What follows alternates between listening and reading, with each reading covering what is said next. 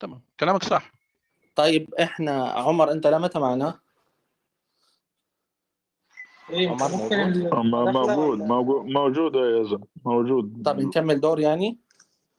آه كمل كمل طيب ايناس إذا بدك إذا إذا بدك نسكر ريز عندي يا جماعة بعد خمس دقائق اللي بده يرفع ايده يرفع ايده طيب آه ايناس موجودة؟ أيوة معاكم آه، طبعا أنا سمعت الآراء وطبعا الرأي الفقهي أنا أعرفه طبعا. أنا عايزة أتكلم من ثلاث نقاط أو مش ثلاثة ممكن نخليهم أربعة حسب يعني ما النقط ما تيجي معايا. أول نقطة فكرة هل الد- اتحط يعني الأستاذة نون أعتقد كانت قاعدة بتقول أنا مش عايزة يطلع الرأي إن الدين الإسلامي هو اللي عمل كذا أو أو أو. أنا أعتقد إن إن إحنا ناخد إن إحنا آه، نتكلم على أساس إن إحنا بنهاجم الدين ده مش صح بمعنى إيه؟ إحنا مش بنتكلم وبنهاجم الدين الاسلامي ونقول أنت عملت كل حاجة غلط و- وإحنا بنعمل حاجة صح وبتاع. هو المو- الموضوع مش موضوع بنهاجم الدين ولا أي حاجة. إحنا ناس بنتعامل مع نقطة في ديننا بشكل نقدي وبشكل إحنا عايزين نوصل فيه لنقطة لأن إحنا شايفين إن في مشاكل مترتبة عليه. هل الدين عن طريق إن هو بيسمح بزواج القاصرات أو بزواج البنات التي لم يبلغن أو حتى البنات التي بلغت ولم يكتمل نموهم الجسدي آه كاملا؟ أو مش هقول لك بس كمان النمو الجسدي إحنا ديننا يقبل إن الست أصلا تتزوج بدون ما تكون موافقة أصلا يعني موافقة الولي أساسا مش موافقتها هي يعني. وده بيحصل كتير ويمارس وان ده بيبقى موجود في المجتمع وبيبرر زواج البنات مش بس في مصر في اليمن.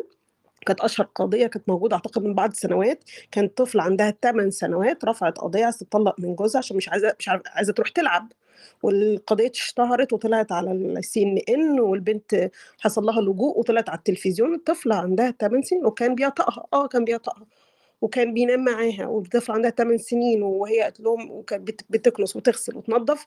وحكت والتقارير موجودة على على القنوات وما زال يمارس مش بس كمان في اليمن بيمارس في أفغانستان يمارس. الأسباب وراءه أسباب طبعا تاريخية أسباب طبعا أكثر انتشارا في الدول الإسلامية أكثر منها من بعض الدول بسبب إن الدين يعطي بشكل ما أو بآخر الفرصة إن ده يحصل. ده لازم نتفق عليه. حلو هل إحنا في نقاشنا ده عايزين نوصل ليه؟ عايزين نوصل إن يحصل نوع إن الدين لو بيقول مش هزوج البنات. آه، في سن إلا في سن معين أو في سن أفضل ليهم جسديا أو أنا أعمل حماية للأسرة مش هيحصل ده بالدليل هدي مثال مثلا في بعض الأديان بتاع لازم يحصل نوع من إن كشف طبي وي وي يعني بيحصل عندنا بعض الكنائس المسيحية بيشترط سن معين وإن اللي بيبقى فيه حاجات طبية وي وي وي أنا مش بقول طبعا كل الكنائس بتعمل كده في بعض ال... بعض الطرق المسيحية المتطرفة بيجوزوا برضو البنات عندها 14 سنة و13 سنة على فكرة يعني ولحد النهارده في أمريكا. فمش مش مش ده نقطة نقاشنا إحنا بنتكلم على فكرة ايديولوجيه إن إن في فكر ديني بيبرر أو بيخلي زواج القاصرات مقبول ويخليه عادي وفي إنه شيء ما فيش فيه مشكلة وما نقدرش إن إحنا نقول لا إحنا من حقنا إن إحنا نتكلم عن هذا الموضوع وننتقده ونبحث عن آه، قوانين أفضل تحمي المرأة وتحمي الطفلة مش المرأة طبعا هي طفلة في هذا الموضوع. هنقعد نتكلم ونحكي أصل لم يحضن ولا لا يعني أنا عايزة أسأل سؤال يعني. إحنا كلنا درسنا لغه عربيه في فرق بين لم يحض وفي حاجة اسمها لا تحض.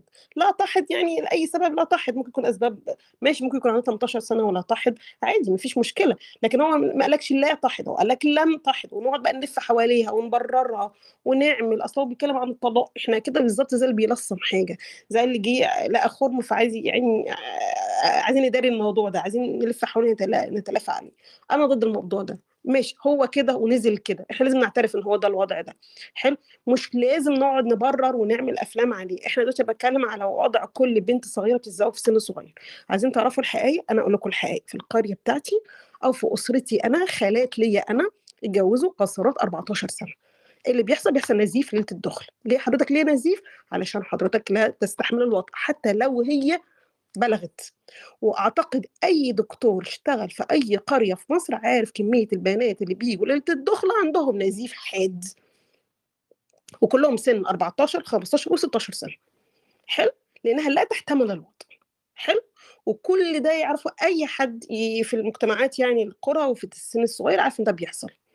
وحصلت في أسرتي أنا نفسها لما كانوا زمان بيتجوزوا البنات في أقل من السن القانوني والحكاوي معروفه إحنا بقى قاعدين نتكلم آه، مين اللي هيدي ال- الفكرة للست؟ حضرتك بتتكلموا من وجهة نظر من فكر نظري. أنا بتكلم من وضع براغماتي ووضع بيحصل يوميا كل يوم في مجتمعاتنا الشرقية أو في أي مجتمعات أخرى. بتكلم على بنات بيتم بيتم تزويج البنات في سن أقل حتى لو هي بلغت حتى لو هي حصل لها الحيض لا يعني أن اكتمال جسمها أو تقبل جسمها لعلاقة جنسية. تقبل العلاقة الجنسية لابد أن يحدث في العقل وفي الجسم. لما طفل يكون العقل يكون لسه عقل واحدة طفلة بمعنى إن هي غير غير مقبلة على هذا الشيء ولا تريده أو أو أو الاسباب أخرى. فدي كلها تحط في في, ال- في الاعتبار. ما تقوليش أصل هل تطأ الشيء ولا لا تطأ مع, احترامي يعني ده تفكير ذكوري بحت. بحت يعني اللي مع كل الفقهاء ذكور وكل الذكور ليهم تفكير معين. وطبعا إحنا عارفين إن في التاريخ القديم كله كان عادي جدا اللي هو اقامه علاقات جنسية مع أطفال. ومعروف في القصة في التاريخ الإسلامي والغلمان سواء بنات أو ولاد.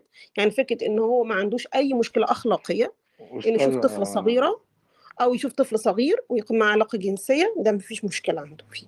أوكي؟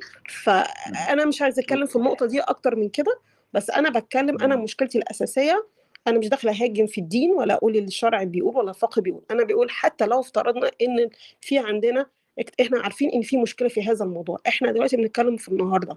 إحنا كمسلمين أنا عايز يكون عندي قانون عايز يكون عندي ناس تقول حتى لو في الدين افترضنا إن هو من 1400 سنة كان بيتم تزويج البنات في هذا السن نحن نعلم أنه لا يناسب عصرنا ولا يناسب وقتنا وإن البنات لا يتم تزويجهم أول ما بيجي لهم الحيض ولا يتم زوجهم بأي حاجة من هذه الأشياء. يا لابد أستاذة تكون- إحنا مشكلتنا أنت سمعتينا من أول الروم يا أستاذة إيناس والله أنت معاك من الأول. يعني ع- آه طب ما إحنا قلنا الكلام ده وحتى مداخلة إسلام قال لك إنه القانون موجود إحنا فاتحين الروم دي ردا على إنه الكلام ده بيترمي علينا إحنا يعني حضرتك فاهمة إن إحنا مش مختلفين مع اللي حضرتك قلتيه مع إني أنا أتحفظ على يعني حتة التفسيرات الدينية والكلام ده وإحنا أصلنا لها ويزن آه، أصل لها وما خم- يعني زي ما انت شايفة في شفافية كاملة في موضوع نقل الفقه زي ما هو وفي شفافية في كل حاجة.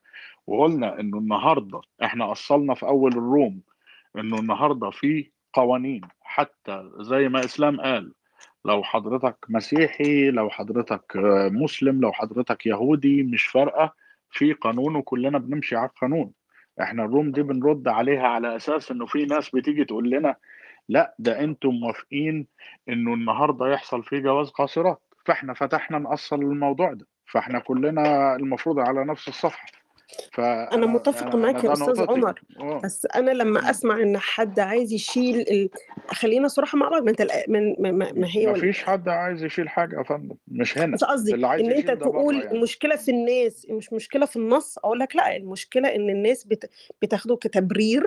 أو بتاخده كشيء يعني إن هي تستخدمه كوسيلة لتبرير عمل هو أنا شايفاه إنه جريمة اتجاه المرأة أو اتجاه الطفلة مش بتكلم على مرأة أنا بتكلم على اطفال وإحنا شايفينه كده. يعني أي حدا الآن في زمننا اللي إحنا هسه فيه بيستخدم هاي النصوص لتبرير مثل هاي الأفعال إحنا شايفينه مجرم سواء شرعا ولا إنسانية. ما فيش ما فيش عندنا يعني آه، غضاضة في هذا الموضوع.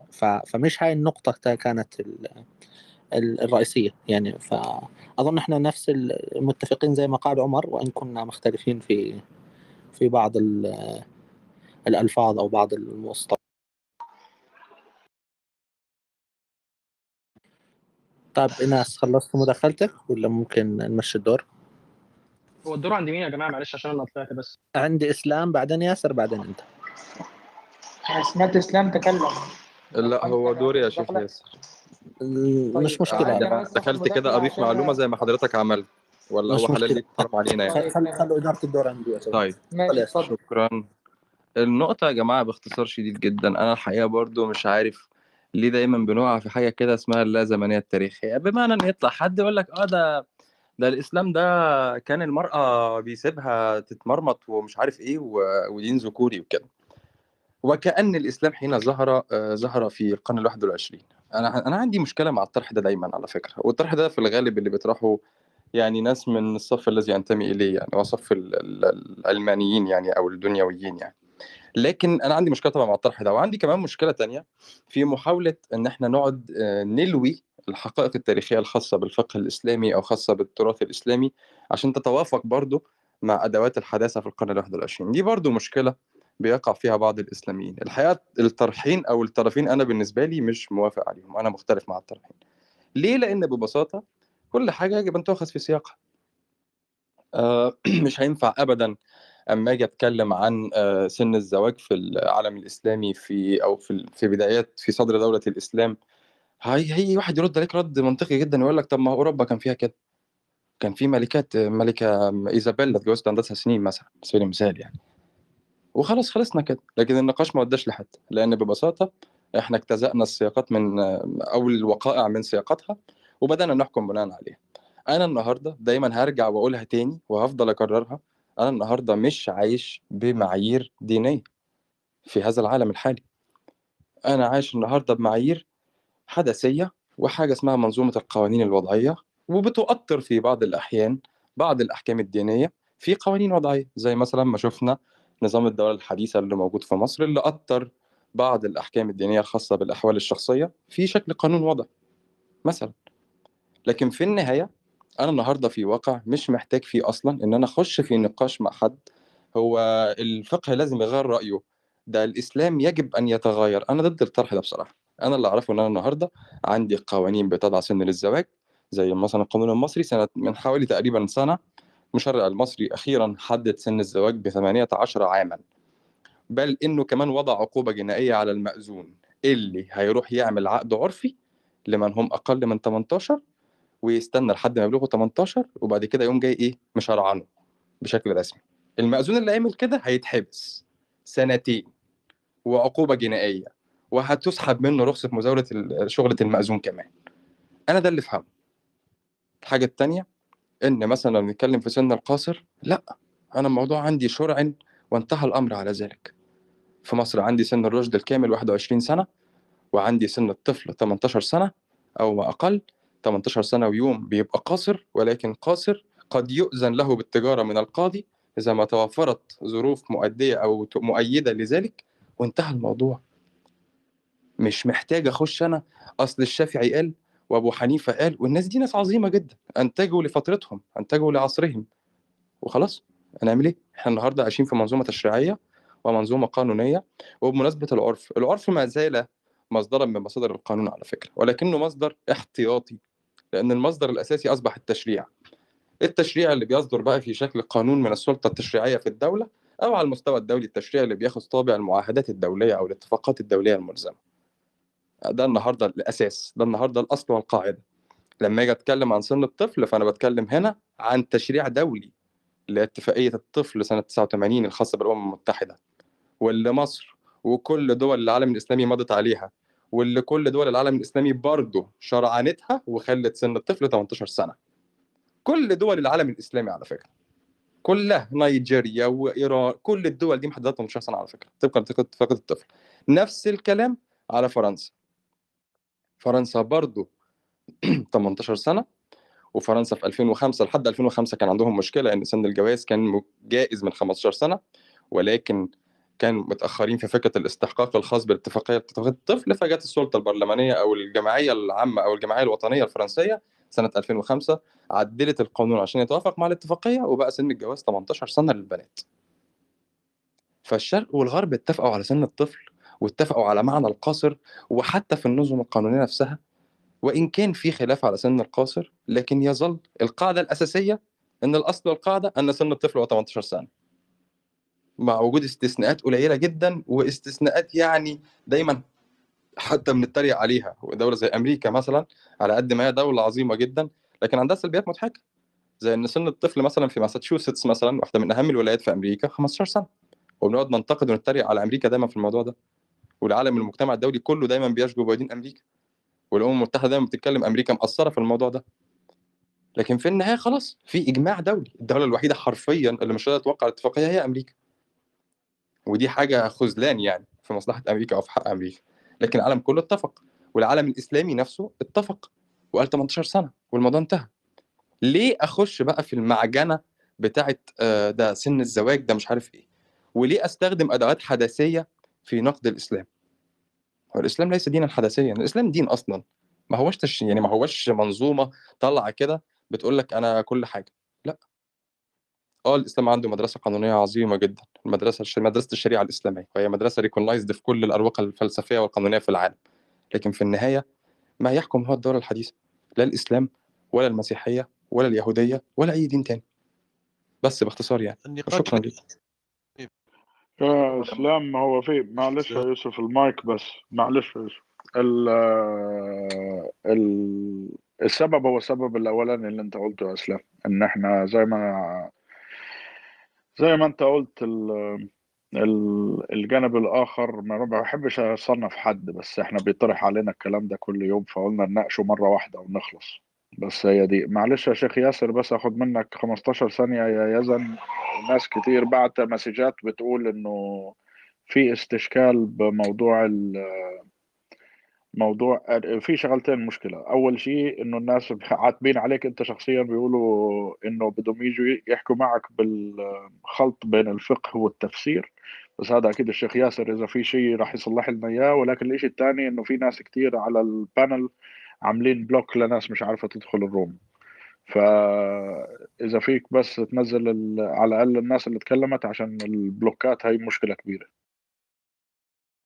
طيب أنا حاضر. أه تسمح لي سيد يوسف وسيدة إناس تنزلوا بعد إذنكم؟ وشيخ ياسر آه يوسف بدك تعلق قبل ما تنزل؟ تفضل ما في مشكلة. لا لا لا ما أنا بس ما أنا في كان عندي في دقيقة أقول. أنا لما تداخلت آه، كانت مداخلتي إثبات إنه لا يوجد سن قاصرات في الإسلام.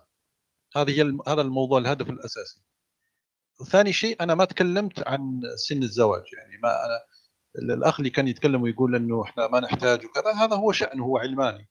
أنا عندي إسلام يحكمني وفي سن زواج الآن يرجع إلى الذوق والحكومة إذا كانت حكومة ذات مرجعية إسلامية اللي تحدد وثالثا آه، أنا خلاص يعني تبغى تنزلني خلي الفرصة نزلني. الله يعطيك العافية. شيخ ياسر تفضل. أيوة السلام عليكم ورحمة الله. مش آه، إن شاء الله عليكم. آه، حياكم الله.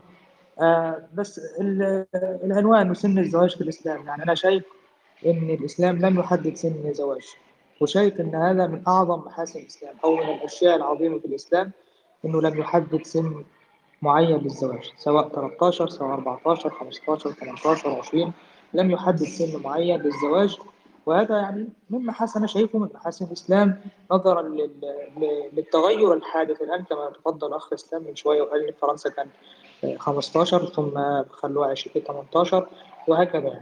يعني فيعني نتخيل إذا كان الإسلام حدد سن معين للزواج هو مثلا سن 18 يجي مثلا عايزين نزوج قبل 15 و- وأثبتت الت- ال- ال- الطب والعلوم النفسية إن يجوز. فهل أنا كده بخالف الإسلام؟ سأكون مخالف نص معين. فما عنديش في الإسلام نص معين يقول يقول زوجوا ال- البنات أو زوجوا الذكور في السن معين بكذا أو في كذا ما فيش الكلام ده. فلا يوجد سن معين في الإسلام. آه النقطة الثانية طبعا أنتوا طبعا تفرقتوا بيها وبس لازم أقولها طبعا عشان تكون المداخلة كاملة. هي مو- موضوع التفريق بين الزواج وال- والوطن. آه الزواج أنا يعني بالنسبة لي حتى لو آه سآخذ بالمدرسة المدرسة التي تقول أنه يجوز لل لل للأب أن أو للولي أن يزوج ابنته حتى عمرها يوم فهذا لا يجوز له أبدا أن يسلمها إلى زوج آه، لكي يطأها حتى لو لم لا يعني حتى لو كان يعني عندها من ال 18 سنة لكنها لا تطيق الوطء فلا يجوز له أن يطأها ولا يجوز له أن يجامعها هذا باتفاق المسلمين بل لا, يخالف في هذا أحد. ومن فعل ذلك فيعذر تعزيرا شديدا. كما أفتى بذلك الشيخ الإسلام ابن تيمية في بعض الفتاويه آه، أن رجلا جامع امرأته ولم تطق الوطء فأفتى بالتفريق بينهما وبتعزيره تعزيرا شديدا. فمسألة مسألة دي مهمة جدا التفريق بين الزواج والوطء بعض دايما الأخوة ال- يعني غير المتدينين بيعترضوا إن الزواج ده آه، نفسي وإن الوطء ده حتى لو تطيق الوطء فده آه، آه، يعني شيء آه، يخالف ي- يؤثر على نفسية المرأة وهذه الأمور. طيب ما ما ما من قال لكم؟ أننا لا نقول أن الضرر النفسي معمول به أو مؤثر في في, في الإطاقة. يعني من قال لكم أن الإطاقة عند المسلمين فقط هي الإطاقة الجسدية؟ من قال أن الإطاقة النفسية آه، لا تعتبر. بالعكس تعتبر. يعني النبي صلى الله عليه وسلم وهي قاعدة مشهورة ومعمول بها في يمكن في في 90% من الفقه وهي لا ضرر ولا ضرار هل الضرر النفسي لا يدخل في في في هذا في هذه القاعدة؟ بالعكس يدخل في في القاعدة و- ويدخل فيها مقدم على الضرر الجسدي. المشكلة المشكلة في إيه؟ إن الناس بتحاول آه، تفرض يعني أنا ممكن سبحان الله متفق مع الأخ الإسلام بنسبة 90% فيما قال. الناس بتحاول تفرض يعني مقا- مقارنة بين آه، الناس أو النساء أو أو حتى الشباب أو الذكور في هذا العصر وفي العصور المتقدمة مثلا ألف سنة مثلا. يعني دعنا الآن من النساء. خلينا في الذكور مثلا. لما ذكر مثلا يكون عنده 13 سنة ويقاتل مثلا ويكون في في مقدمة الجيش ويقتل مثلا واحد اسمه أبو جهل. وأبو جهل ده من الناس اللي هم العتيدة في في المشركين يعني ويقتلوا. اثنين شباب عندهم 13 سنة. هل هل بقى عنده عيل 13 سنة في هذا الزمن؟ ويقول له خد سلاح وروح حارب يعني. هل هذا مثلا يكون مثلا شيء مقبول؟ لا لم يكون مقبول. آه، الناس كانت بتقود الجيش وهي عندها 16 سنة. هذا قائد جيش عنده 16 سنة. فأنا شايف صراحة أن الخلط الشديد عند الإخوة غير المتدينين أن هم بيحاولوا يعملوا مقارنة بين الس- السن أو الأطفال في هذا السن والأطفال في في العصور المتقدمة. فدي مسألة كبيرة جدا. ومسألة مهمة جدا ينبغي الانتباه إليها طيب كل ال- التشريع اللي مع- اللي معمول الآن واللي تفضل به الأخ إسلام هل مسألة مثلا تحديد السن ب 18 تحديد الزواج ب 20 هل هذا مثلا يخالف الإسلام في شيء؟ لا لا يخالف الإسلام في شيء والله إذا إذا ثبت بالتجارب وثبت بال- بالطب النفسي الآن أن الأطفال في هذا العمر آه، أو الشباب في هذا العمر أو في هذا السن هم أطفال لا يستطيعون الزواج أو لا آه، يعني يكون الزواج لهم عامل نفسي مؤثر في نفسيتهم يمنع بل الإسلام يحض على ذلك. ويؤيد هذا يعني إذا تمام. ثبت يعني هو دلوقتي مش ثابت؟ أنت لو سمحت ما تتدخلش معايا أنا بكمل مداخلتي لا والله أصل أنا ما حضرتك تتدخلش ما واسع قوي تتدخلش خالص. خليك يعني يا علشان في يزن أنت طيب. ما تتدخلش يا ابني. منير منير يكمل لا ابنك في بطنك لك منير يا يا حبيبي مالكش شيخ ياسر. حبيبك في البيت يا ياسر. منير شيخ ياسر. شيخ ياسر. شيخ ياسر. كلامك نفسك. كلامك معي يا سيف ليش تنزله؟ ك- مش أنا يا يزن يا يزن مش أنا أنا والله أنا أنا أنا يا زلمة لأنه يعني أنا مش راح اقلب الروم أنا مستعد بعد طيب. الشيخ ياسر يخلص يطلع وي- أنا ويقول حاضر. الطرح معاكم. بالضبط ما أنا حدش يقاطع حد لو لو سمحت. لو سمحت لو آه سمحت. طب أنا عايز روم بدوري يا باشمهندس عمر. ولا أنا عايز بس دي م... بس هطلب منك طلب واحد. أنا الروم دي بتاعت يزن وهو اللي بيعمل مودريشن أرجوك أنا مش جاي هنا تصفيه خلافات أو حاجة تانية مفيش حصلت في رومز خلافات والله يا هنا يا يا باشمهندس عمر أنا آه. مبقاش شايف مين اللي بيتكلم. أخي يا حبيبي ما تتكلمش مع بعض. بدورك لو يا عم حبيبك على السرير يا شيخ ياسر ما بصيرش يا هيك يا- يعني إحنا يا اثنين بنحامي عنك و... وبتتدخل تدخلات يعني مش منطق برضو. ما يعني هو إحنا بص بنحامي عنك هو ممكن يقول لي ما محترم تعلم أنا تعلم منير لو سمحت لكن أنت فاهم إيه من هيتكلم غير بلغة كلام معينة من غير كلام بينكم خالص من غير كلام بينكم خالص لو سمحت. يزن يا معك المودريشن الله يرضى عمر لو عليك. سمحت. طيب لو شيخ ياسر كمل لو مداخلتك ووجه الكلام لنا. لو سمحت. لا بس هو ينزل على ما خلص إيه يعني يعني إيش بدك يعني فيه بقول ينزل لك إيه أنزل أجي إيه لا يعني إيه ينزل يعني على ما اخلص يا يا شباب باثنين يزن بقول لك إيه يا عم انت كمل مالكش دعوة إنتم أس... يعني هو أساء الي وده لا حقه حول ولا بالله. فلو سمحت طيب ينزل على شيخ ياسر كمل مداخلتك. كمل مداخلتك. يزن أنا مش هكمل ما تقعدش تحجج بيا بقى يا يا جماعة يا, يا يا, أستاذ عمر. لو سمحت ده يا ينزل تحت شيخ ياسر يا شيخ ياسر أنا نزل نزلته لما قطعك وآخ و... يا منير لو سمحت. والله أنا اللي هسيب الروم يا منير. أنا قافل المايك. ما, يا عمر ما ده أنا مش قافل جاي يناقش أقسم بالله ما جاي يناقش باحترام أصلا. ده إنسان ما يعرفش يحرك طيب طيب شيخ ياسر ممكن يا مع معاك يا لا يزن يا شيخ ياسر الروم ممكن لو سمحت. تكمل مداخلتك وسيبك منه. لو سمحت احتراما الراجل لا يعني هو احتراما ليا أساء الي وقال كلام خارج وأنت تقول لي متى حكى كلام إذا ما أنتم بتعرفوا علي دلوقتي بيقول حبيبك على السرير ومش عارف إيه وكلام قلة أدب يعني إيه ينفع الكلام ده؟ ما حكى حبيبك تقوليش في البيت. ما تقوليش حبيبي ما تقوليش يا حبيبي. أنا بقول يا جماعة يا جماعة حتنزلوا الاثنين. آخر مره آخر مرة لا يا عم أنا أنا هتنزلني لا شكرا. أنا أنا أنا غلطان. شكرا. أنا مش هكمل مداخلتي يا عم يزن ومشكور وهنزل أنا أو هطلع. شكرا. يعطيك العافية شيخ ياسر. دكتور أحمد تفضل. ومنير برضو أنت محروم من دورك. تفضل يا سيد دكتور أحمد. آه، السلام عليكم. إزيكم يا جماعة؟ يا رب جميعا تكونوا بخير. آه، ما كنتش حابب يعني إيه التاتش الأخير اللي حصل ده الروم كانت ماشية كويس. بس خليني أنا عاوز أقول رسالة في الأول كده إن الموضوع ده آه، موضوع مفخخ. الموضوع ده موضوع يعني تقيل حساسيه آه، بيمس يعني إيه ال emotions بتاعت ناس كتير. آه، ولكن ال room دي اللي أنا فاهمه يعني إن هي بتحاول تتناقش نقاش أكاديمي. آه، فإللي يا جماعة ملوش آه، طاقة هو يسمع كلام زي ده يبقى ال room دي مش ليه. جميل؟ فدي بس أول رسالة أنا حابب أقولها سريعا كده. يعني ال room دي بتتكلم في level أكاديمي شوية. ممكن يبقى متعب لبعض الناس لأن مش كل الناس عندها الطاقة الاستيعابية يعني إن هي تقعد تسمع كلام زي ده. فلو أنت شايف إن الكلام متعب ليك أو مؤذي ليك آه، يعني أنا أنا شخصيا كطبيب يعني هنصحك أقول لك لا ما تقعدش في مكان بيأذيك. فدي أول نقطة. ال- ال- الحاجة الثانية اللي أنا هتكلم فيها ال- ال- اللي الثاني اللي أنا فاهمه من هدف الروم الروم دي معمولة لأن الإخوة الملحدين أو الاخوه الادينيين دايما بيشغبوا على المسلمين وعلى الدين الإسلامي بشكل خاص يعني وعلى ال- الرسول عليه الصلاة والسلام بالحتة دي بالقضية دي. فاللي أنا فاهمه ده اللي وصلني حتى لما شفت إعلان ال room من غير ما أسمع أي مداخلة إن ال room دي اتعملت علشان ترد على الجزئية دي. ال room دي مش معمولة عشان تتكلم مثلا عن الناحية ال practical أو الواقع أو إيه اللي بيحصل أو القانون أو مش عارف إيه. والرسالة دي أنا بس بقولها الاسلام يعني لأن الاسلام دايما بيتكلم في الحتة دي اللي هو طب إحنا ليه بنتكلم الموضوع ده خلصان؟ والله هم الموضوع ده خلصان بس هم مش راضيين يسكتوا هم قاعدين بيشغبوا بيه على الإسلام. كل شوية كل يوم بيتفتح الموضوع ده وزواج القاصرات والإسلام عمل الإسلام ما عملش وبيدوفيليا ومش بيدوفيليا. فعلشان كده اللي أنا فهمته إن ال room دي اتفتحت علشان كده مش علشان بنقول يا جماعة يلا بينا هيا نزوج الفتيات عند ست سنين وهيا نزوج الفتيات عند سنة. مش ده المقصد من ال room ومش ده اللي, تفهم اللي أنا فاهمه ومش ده أعتقد يعني اللي أغلب الناس المنصفين هيفهموا فدي برضو الرسالة الثانية آه لو أنا بقى عاوز أتكلم على الموضوع نفسه بتاع بتاع ال room يعني فموضوع سن الجواز أو بشكل اعم يعني ال age of consent زي ما كان المهندس شبيطة بيقول آه، ده موضوع كونتروفيرسيال في العالم كله ده محير الناس في العالم كله وفي وقتنا المعاصر بغض النظر عن حتى عن التاريخ القديم يعني في ناس تقول لك 14 سنة ناس تقول لك 16 سنة ناس تقول لك 18 سنة وهكذا. الموضوع مختلف. آه، طب هل الفكرة كلها تاني برضو هل ده معناه إن إن آه، 14 سنة مثلا القانون ده صح و16 سنة القانون صح و18 سنة القانون صح كلهم صح؟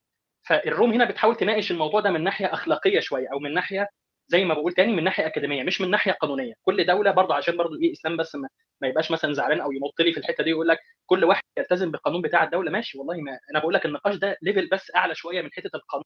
وكل واحد موجود في دولة بيلتزم بالقانون إحنا دي خلصانة. دي مش النقطة اللي ال room بتتكلم عنها. ال room مش بتتكلم عن الناحية القانونية خالص. إنما ال room بتتكلم اعلى من كده. فدلوقتي العالم كله مختلف في حوار ال age of consent ده. جميل؟ وعلى مر العصور. مختلفين فيه. طيب في ناس كتيرة بت- بتتكلم وأنا يعني إيه آه، آه، كرسائل سريعة بس لأن أنا كنت بس سمعت بعض المداخلات يعني. كانت آه، في أخت أعتقد اللي هي الخنساء تقريبا لما كانت بتتكلم إن المفروض المعيار ما هو ده ده السؤال اللي عجبني جدا باشمهندس عمر لما كان بيأثر في الأول سأل السؤال ده. قال يا جماعة إيه المعيار بقى اللي إحنا بنحدد بيه؟ يعني أنت مثلا بتتكلم في صح وغلط. طب إيه المعيار اللي أنت بتحدد لي بيه ده صح وغلط؟ فمثلا الأستاذة خنساء كانت بتتكلم على ال reproductive system والجهاز التناسلي يعني. وإن ال maturity بتاعته ومش عارف إيه. ال- المشكلة إن إحنا لما بنيجي نخلط العلوم لما بنيجي نخلط العلم أو ال science لما بنيجي نخلطه بالنقاشات بتاعتنا دي بنروح عاملين المشكلة دي. إيه مثلا؟ إيه إيه إيه إحنا بنفتكر إن هي علشان في كلمة مثلا اسمها النضج أو ال puberty مثلا إحنا مفكرين عشان في كلمة فيبقى هو في cut off age كده في في سن معين هو بيقول يبقى هو ده اللي عنده بيحصل مثلا النضج ال puberty ما فيش الكلام ده الموضوع ده في حقيقة في عند في الإنسان وفي الحيوان بالمناسبة هو spectrum يعني مثلا وأنا أنا أنا بدعو الناس كلها تاني أنا مش بشرع عن أي حاجة بس أنا بدعو الناس كلها إن هي مثلا تخش دلوقتي على جوجل ويشوفوا ال youngest case confirmed case اللي هي mother in history يعني youngest confirmed mother in history هيلاقوها واحدة اسمها لينا مدينة تقريبا من بيرو تمام؟ وأنا بتكلم على دي في سنة كام؟ في 1940 يعني بعد الحرب العالمية الأولى. يعني إحنا بنتكلم في 1900 مش بنتكلم من 14 قرن فاتت. دي حملت وهي قبل ست سنين ما كملتش ما جابتش ست سنين كانت خمس خمس سنين وكام شهر كده تمام؟ فدي بداية الحمل. فدلوقتي لما هي بتتكلم وتقول لك طب ال maturation بتاع ال reproductive system طب حلو طب ما في ناس اهو بت mature عند خمس سنين وست سنين. طب نعمل إيه بقى فيهم؟ نحط السن عند خمس سنين وست سنين؟ طب وفي ناس بت- بت mature متأخر خالص هو ال delayed puberty مثلا. يعني ممكن واحدة تقعد عند 16 سنة وما ينزلش عليها ولا دورة واحدة. تمام؟ والقضايا دي كلها معروفة في الطب يعني. تقعد لغاية 16 سنة. فهي القصة بقى هتحدد أنت بناء على مين؟ بناء على مين فيهم اللي اتحدد فالنقطة الثانية اللي هي كانت بتتكلم فيها وأنا عاوز أقول برضو حاجة ممكن تكون صادمة لبعض لبعض الناس يعني آه، آه، بس تاني ده ده ال science. ال science هنا بيتكلم في إيه؟ ال science على فكرة أبحاث كتير الموضوع يعني the research is done the data is out الموضوع خلصان بيتكلم على أقل تقدير إن في relation بين ال obesity أو خلينا نقول ال body weight وبين ال early puberty وروحوا دوروا عليها تاني. عشان بس ما حدش ياخد كلامي روح دور على الكلام ده. لدرجة إن في بعض الأبحاث وفي بعض العلماء يعني بي بي بي بيبرروا إن هو مش relation بس ده في كمان causation وعن طريق بقى في theories اتحطت يعني عن طريق ال leptin hormone وإن الليبتين ده يعني أنت لما بيكون عندك fat cells كتير خلايا دهنية كتير بيكون عندك هرمون اللي هو اللي اسمه الليبتين ده كتير وأنت محتاج threshold معينة من الليبتين ده علشان تبدأ ال puberty فبالتالي لو أنت عندك ليبتين كتير هتبدأ ال puberty بتاعتك قبل. الكلام ده في في الولاد وفي البنات. دكتور تمام دكتور أحمد لو ممكن تعيد هاي الفكرة بس بالعربي قد ما تقدر له هو أنا كنت حاسس إن أنا بتكلم بالعربي والله معلش اعذروني.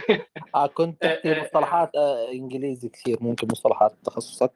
فإذا بتقدر تعيد أكبر قدر من اللغة العربية بكون ممنون لك عشان حاول على قد ما أقدر. بس أنا بس عاوز رسالة تاني مهمة توصل اللي هي الرسالة الأولانية اللي أنا قلتها في مداخلتي إن يا جماعة النقاش ده هنا تاني نقاش أكاديمي. جميل اللي هيتعب من الكلام ده ده أنا مش بشرعن ومش بقول روح اتجوز زي ست سنين والله ما قلت كده. إنما أنا بتكلم في حتة معينة بسمعها دايما من الإخوة اللادينيين والإخوة الملحدين بيشغبوا بيها على اعتقادي على ديني على الإسلام.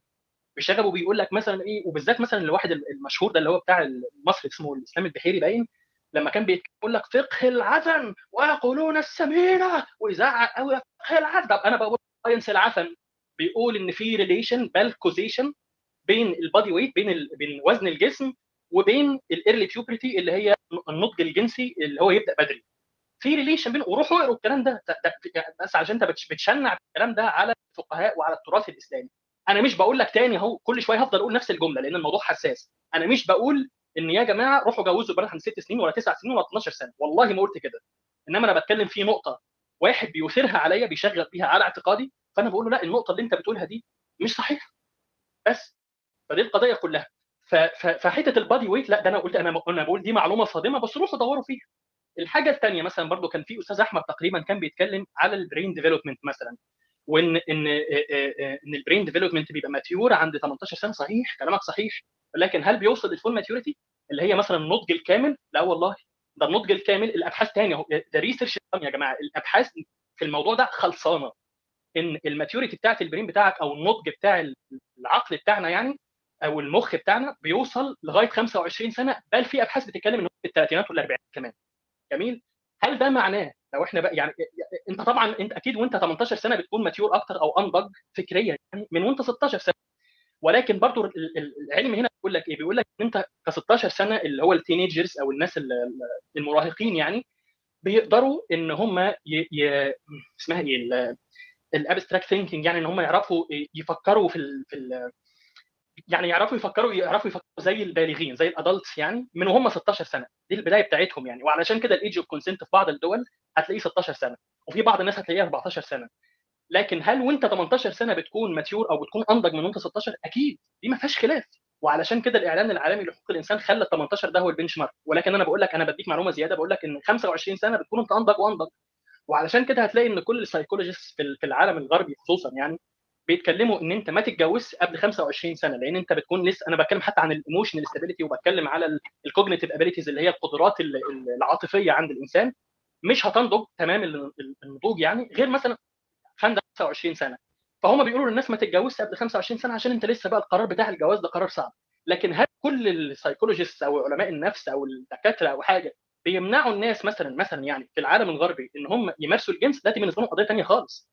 بالنسبة لهم قضية ثانية خالص. ده ما فيش تقريبا يعني ما فيش حد أنا أكاد أجزم والله إن ما فيش حد في العالم الغربي بيوصل ل 25 سنة وما يكونش يعني إيه آه عنده عمل علاقة مثلا جنسية قبل كده إلا لو كان متدين أو كان asexual يعني هو ملوش في في ال- في المسألة دي خالص. أو كان متدين. لكن غير كده ما فيش. ده أنا- ده, في الأبحاث حتى ال statistics اللي ب- بتبين إن هم في ال high school هم لسه مثلا في الثانوية العامة اللي بيخشوا الجامعة مثلا منهم أقل من 5% اللي بيكون لسه virgin يعني اللي هو بيكون لسه اسمها مش عارف virgin يعني مش معلش أنا مش عارف الترجمة مش حاضرة لي دلوقتي يعني فهو ده, ده, يعني أقل من 5% يعني أكترهم هم نفس الناس اللي هتقول لك إيه بس ما تتجوزش غير وأنت 25 سنة فتاني أنا برجع أسأل بقى يعني أنا أنا أنا ليه بقول الكلام ده؟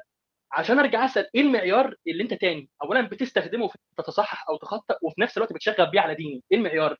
لما أنت بتتكلم على brain development طب عند انهي سنة؟ طب نخلي سن الجواز عند 25 عشان ال brain بيبقى عشان المخ يعني بيكون آه، بيكون متطور أكتر عند 25 سنة إيه رأيك نخليه 25 سنة؟ طب واللي بيتكلم عن ال reproductive system والجهاز التناسلي وال... والهرمونات أنا بقول لك واحدة حملت وهي ست سنين.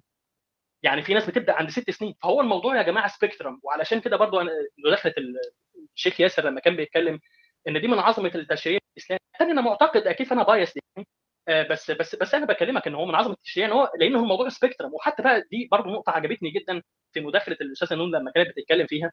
وأنا حابب أقولها وحابب أقول برضو التعقيب اللي برضو كان جميل وعجبني بتاع الأستاذة إيناس تقريبا لما كانت بترد عليها في الحتة دي.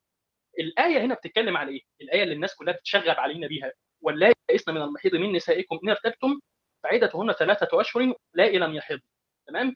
واولاة الاحمال اجلهن ان يضعن حملهن هل المهم إن الآية دي بتتكلم عن العدة؟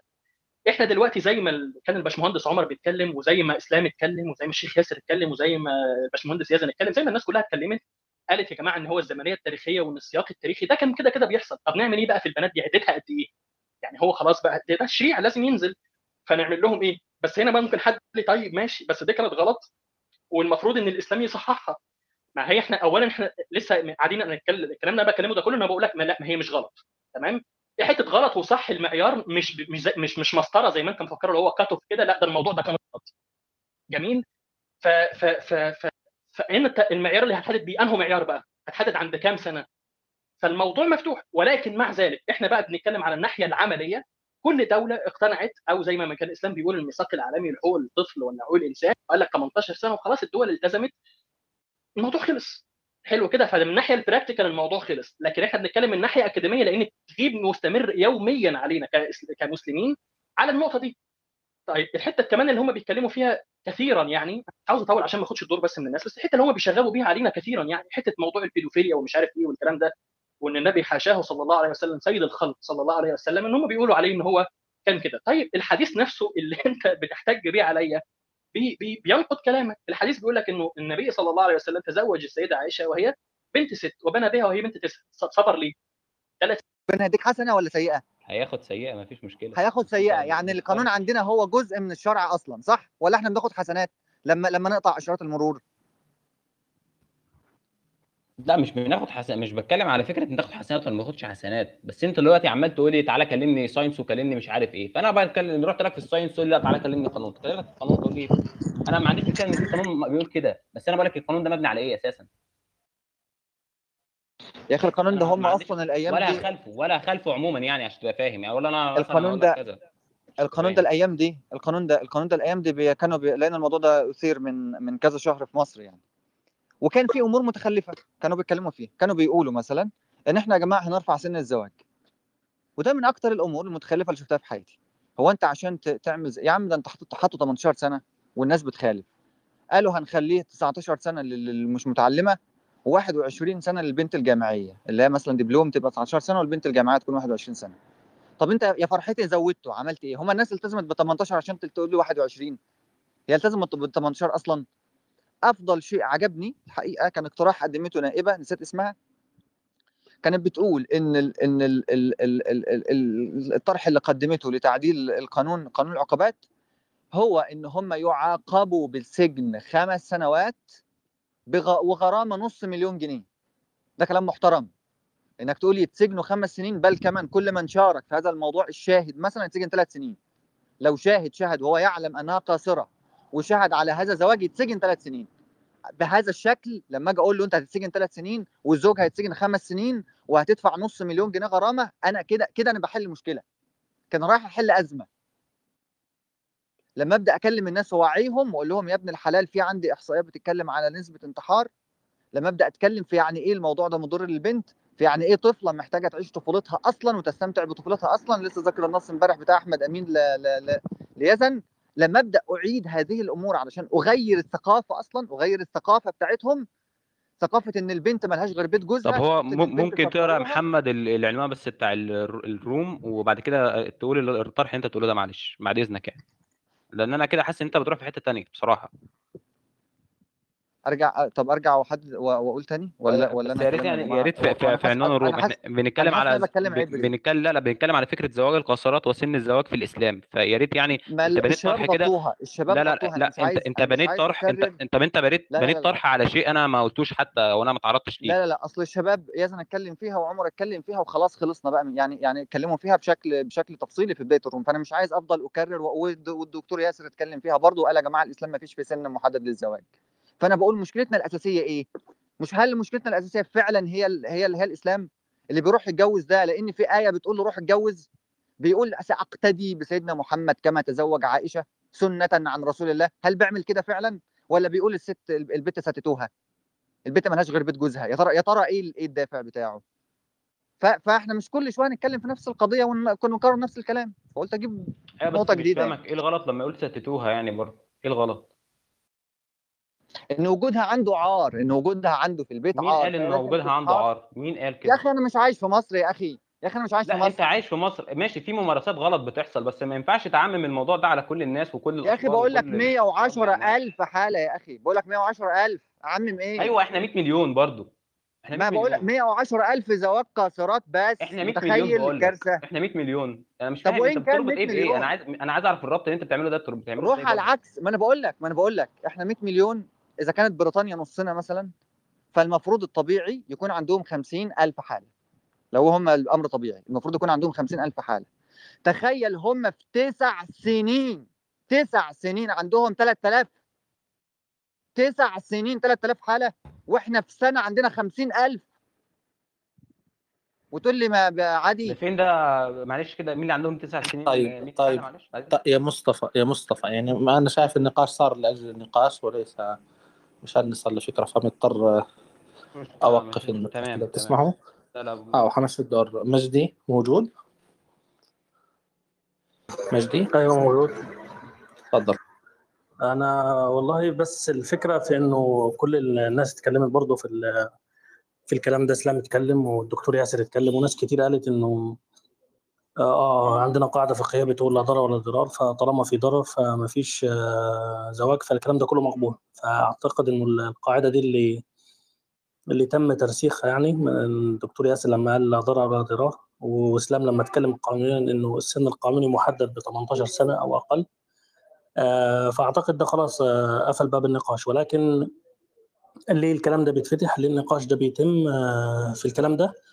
لأنه مش كل الناس متفقة على القانون وإن كان يعني بينها وبين بعضها آه، في ناس آه، طائفة في المجتمع شايفة إنه القانون ده لا يحكم وإنه قانون وضعي ولا ترى بحكمه أصلا فهنا هيكون الخلاف. لكن القانون ما فيش خلاف. لو كل الناس تلتزم بالقانون مش هيبقى عندنا خلاف. وفي ناس برضو شايفة إنه النص الديني آه، يتاخد في سياقه وده برضو ما فيش خلاف عليه. لكن في ناس شايفة إنه ما يتخذش في سياقه ما فعله النبي صلى الله عليه وسلم فهو أسوة لنا ويتم فعله. ما فيش مشكلة إنه يتم العمل به. فهنا هتقع المشكلة. فالمشكلة في في اللي بيتناول الطرح مش الطرح نفسه. يعني لو أنا عمري كشخص آه، لا ديني آه، هبص وأقول آه، لا أنتوا دينكم غلط لأن النبي بتاعكم اتزوج واحدة عندها تسع سنين. عمري ما أقول كده لأني فاهم ومتيقن إنه ممكن واحد مسلم يجي لي ويشكك لي في الرواية أصلا ويقول لي لا أنا مش شايف كده. أنا مش شايف كده. زي ما عدنان إبراهيم. عدنان إبراهيم عامل رسالة كاملة في الموضوع ده إنه لا سن السيدة عائشة لم يكن في هذا السن. وبيضعف آه، عروة.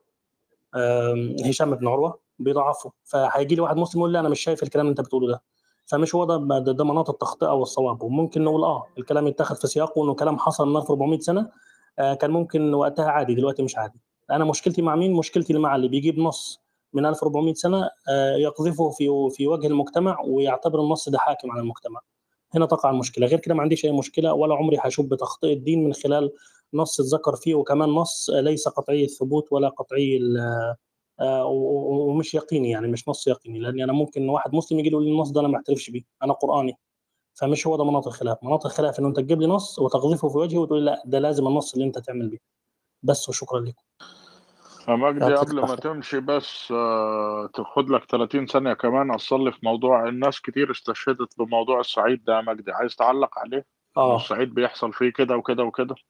آه طيب هو في الصعيد مثلا دلوقتي آه لو اعتبرنا ان السن القانوني 18 سنة واللي هيخالف ده بشهر واحد ده مخالف أنا ما أقدرش أرد عليه.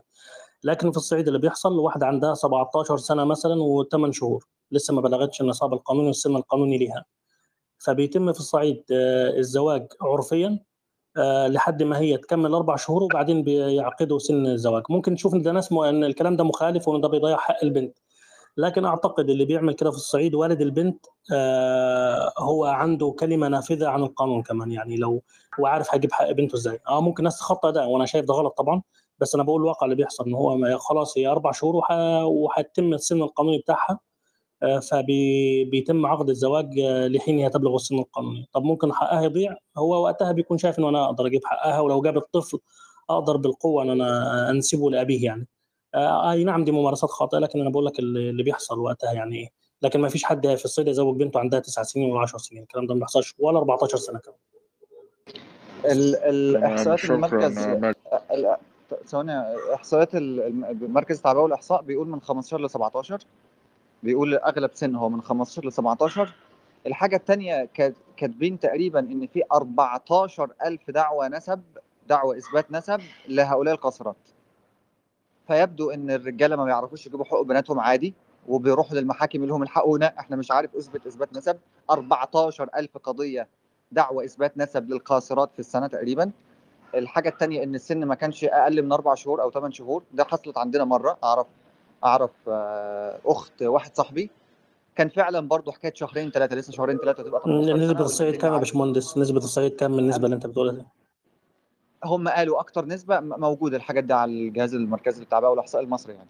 أكتر عمر بيتم فيه الزواج من 15 ل 17 مش من 17 ل 18 ده مش أكتر عمر ده مش ال... ده مش ال... ده مش السائد. إن هم في آخر شهرين ثلاثة أو بتاع أو كده ده مش السائد من 15 ل 17 بل كمان في 14000 قضية دعوة نسب. فهم ما طلعوش رجاله ولا حاجة برضو يعني في حكايه آه لا آه لما انت بتقول لا لا لا. للمحاكم برضو وقالوا انت للقانون بتتكلم كمصري total؟ انت بتتكلم كمصري يا باشمهندس كل ربنا هيديك حسنة ولا سيئة؟ هياخد سيئة مفيش مشكلة. هياخد سيئة. يعني القانون عندنا هو جزء من الشرع أصلا صح؟ ولا إحنا بناخد حسنات؟ لما لما نقطع إشارات المرور. لا مش بناخد حسنات مش بتكلم على فكرة إن تاخد حسنات ولا ما تاخدش حسنات بس أنت دلوقتي عمال تقول لي تعالى كلمني science وكلمني مش عارف إيه فأنا بتكلم رحت لك في ال science تقول لي لا تعالى كلمني قانون كلمتك في القانون تقول لي أنا ما عنديش مشكلة إن القانون بيقول كده بس أنا بقول لك القانون ده مبني على إيه أساسا؟ يا أخي القانون ده هم أصلا الأيام ولا دي هخالفه ولا هخالفه عموما يعني عشان تبقى فاهم يعني ولا أنا القانون ده القانون ده الأيام دي القانون ده القانون ده الأيام دي كانوا بي لأن الموضوع ده أثير من من كذا شهر في مصر يعني. وكان في أمور متخلفة كانوا بيتكلموا فيه كانوا بيقولوا مثلا إن إحنا يا جماعة هنرفع سن الزواج. وده من أكتر الأمور المتخلفة اللي شفتها في حياتي. هو أنت عشان تعمل. يا عم ده أنت حاطه 18 سنة والناس بتخالف. قالوا هنخليه 19 سنة لل- للي مش متعلمة و21 سنة للبنت الجامعية اللي هي مثلا دبلوم تبقى 19 سنة والبنت الجامعية تكون 21 سنة. طب أنت يا فرحتي زودته عملت إيه؟ هما الناس التزمت ب 18 عشان تقول لي 21 هي التزمت ب 18 أصلا؟ أفضل شيء عجبني الحقيقة كان اقتراح قدمته نائبة نسيت اسمها. كانت بتقول إن ال إن ال ال ال ال ال ال الطرح اللي قدمته لتعديل القانون قانون العقوبات هو إن هم يعاقبوا بالسجن خمس سنوات. وغرامة نص مليون جنيه. ده كلام محترم. إنك تقول يتسجنوا خمس سنين بل كمان كل من شارك في هذا الموضوع الشاهد مثلا يتسجن ثلاث سنين. لو شاهد شهد وهو يعلم أنها قاصرة. وشهد على هذا الزواج يتسجن ثلاث سنين.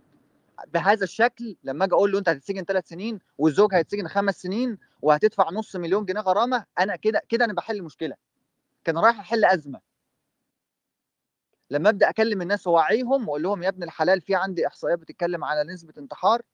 لما أبدأ أتكلم في يعني إيه الموضوع ده مضر للبنت؟ في يعني إيه طفلة محتاجة تعيش طفولتها أصلا وتستمتع بطفولتها أصلا؟ لسه ذاكر النص امبارح بتاع أحمد أمين ل... ل... ل... ليزن. لما أبدأ أعيد هذه الأمور علشان أغير الثقافة أصلا أغير الثقافة بتاعتهم. ثقافة إن البنت ملهاش غير بيت طب جوزها هو م- البنت ممكن تقرأ يا محمد ال- العنوان بس بتاع ال- الروم وبعد كده تقول ال- الطرح اللي أنت تقوله ده معلش بعد إذنك يعني. لأن أنا كده حاسس إن أنت بتروح في حتة تانية بصراحة. أرجع طب أرجع وحد و- وأقول تاني؟ ولا ولا بس أنا يا ريت يعني يا ريت في, في, في عنوان الروم إحنا بنتكلم على بنتكلم لا لا بنتكلم على فكرة زواج القاصرات وسن الزواج في الإسلام. فيا ريت يعني أنت بنيت طرح كده.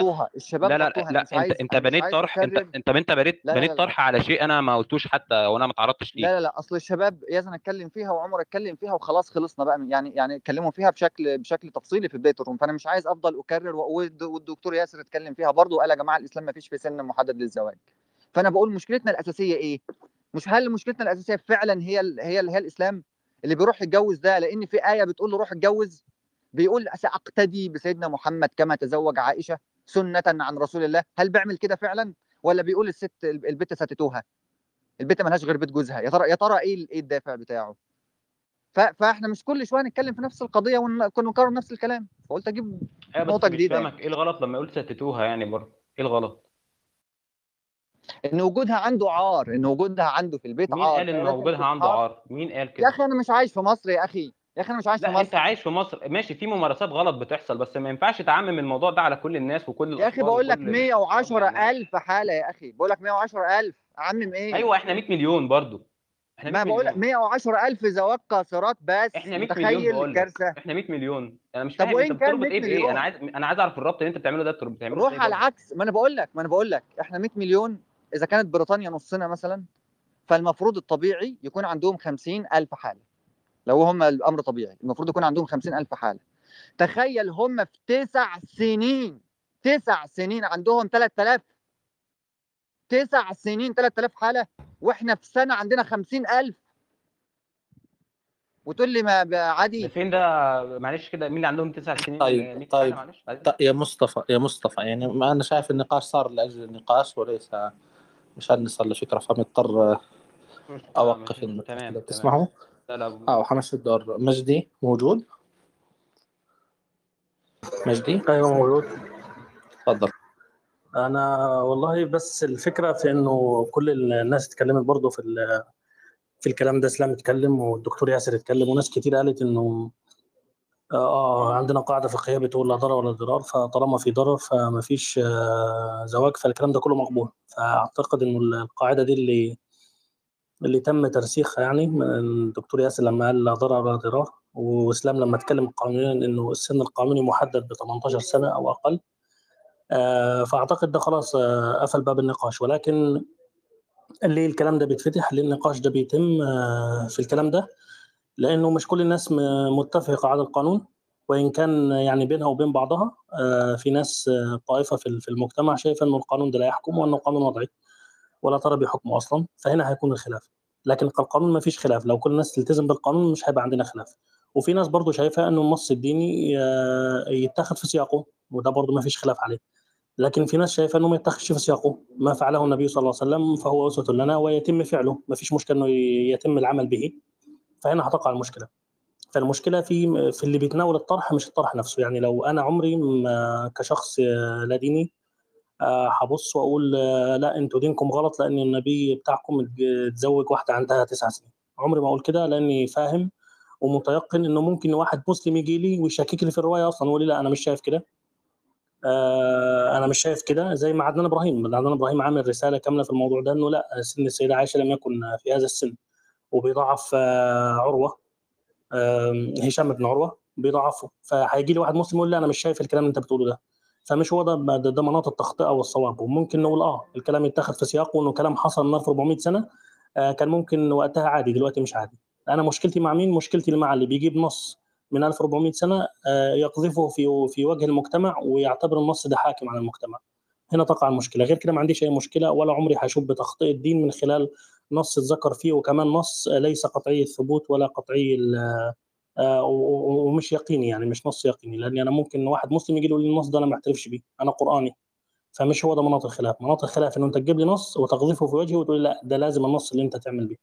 بس وشكرا لكم مجدي قبل ما تمشي بس آه، تاخد لك 30 ثانية كمان أصلي في موضوع الناس كتير استشهدت بموضوع الصعيد ده يا مجدي عايز تعلق عليه؟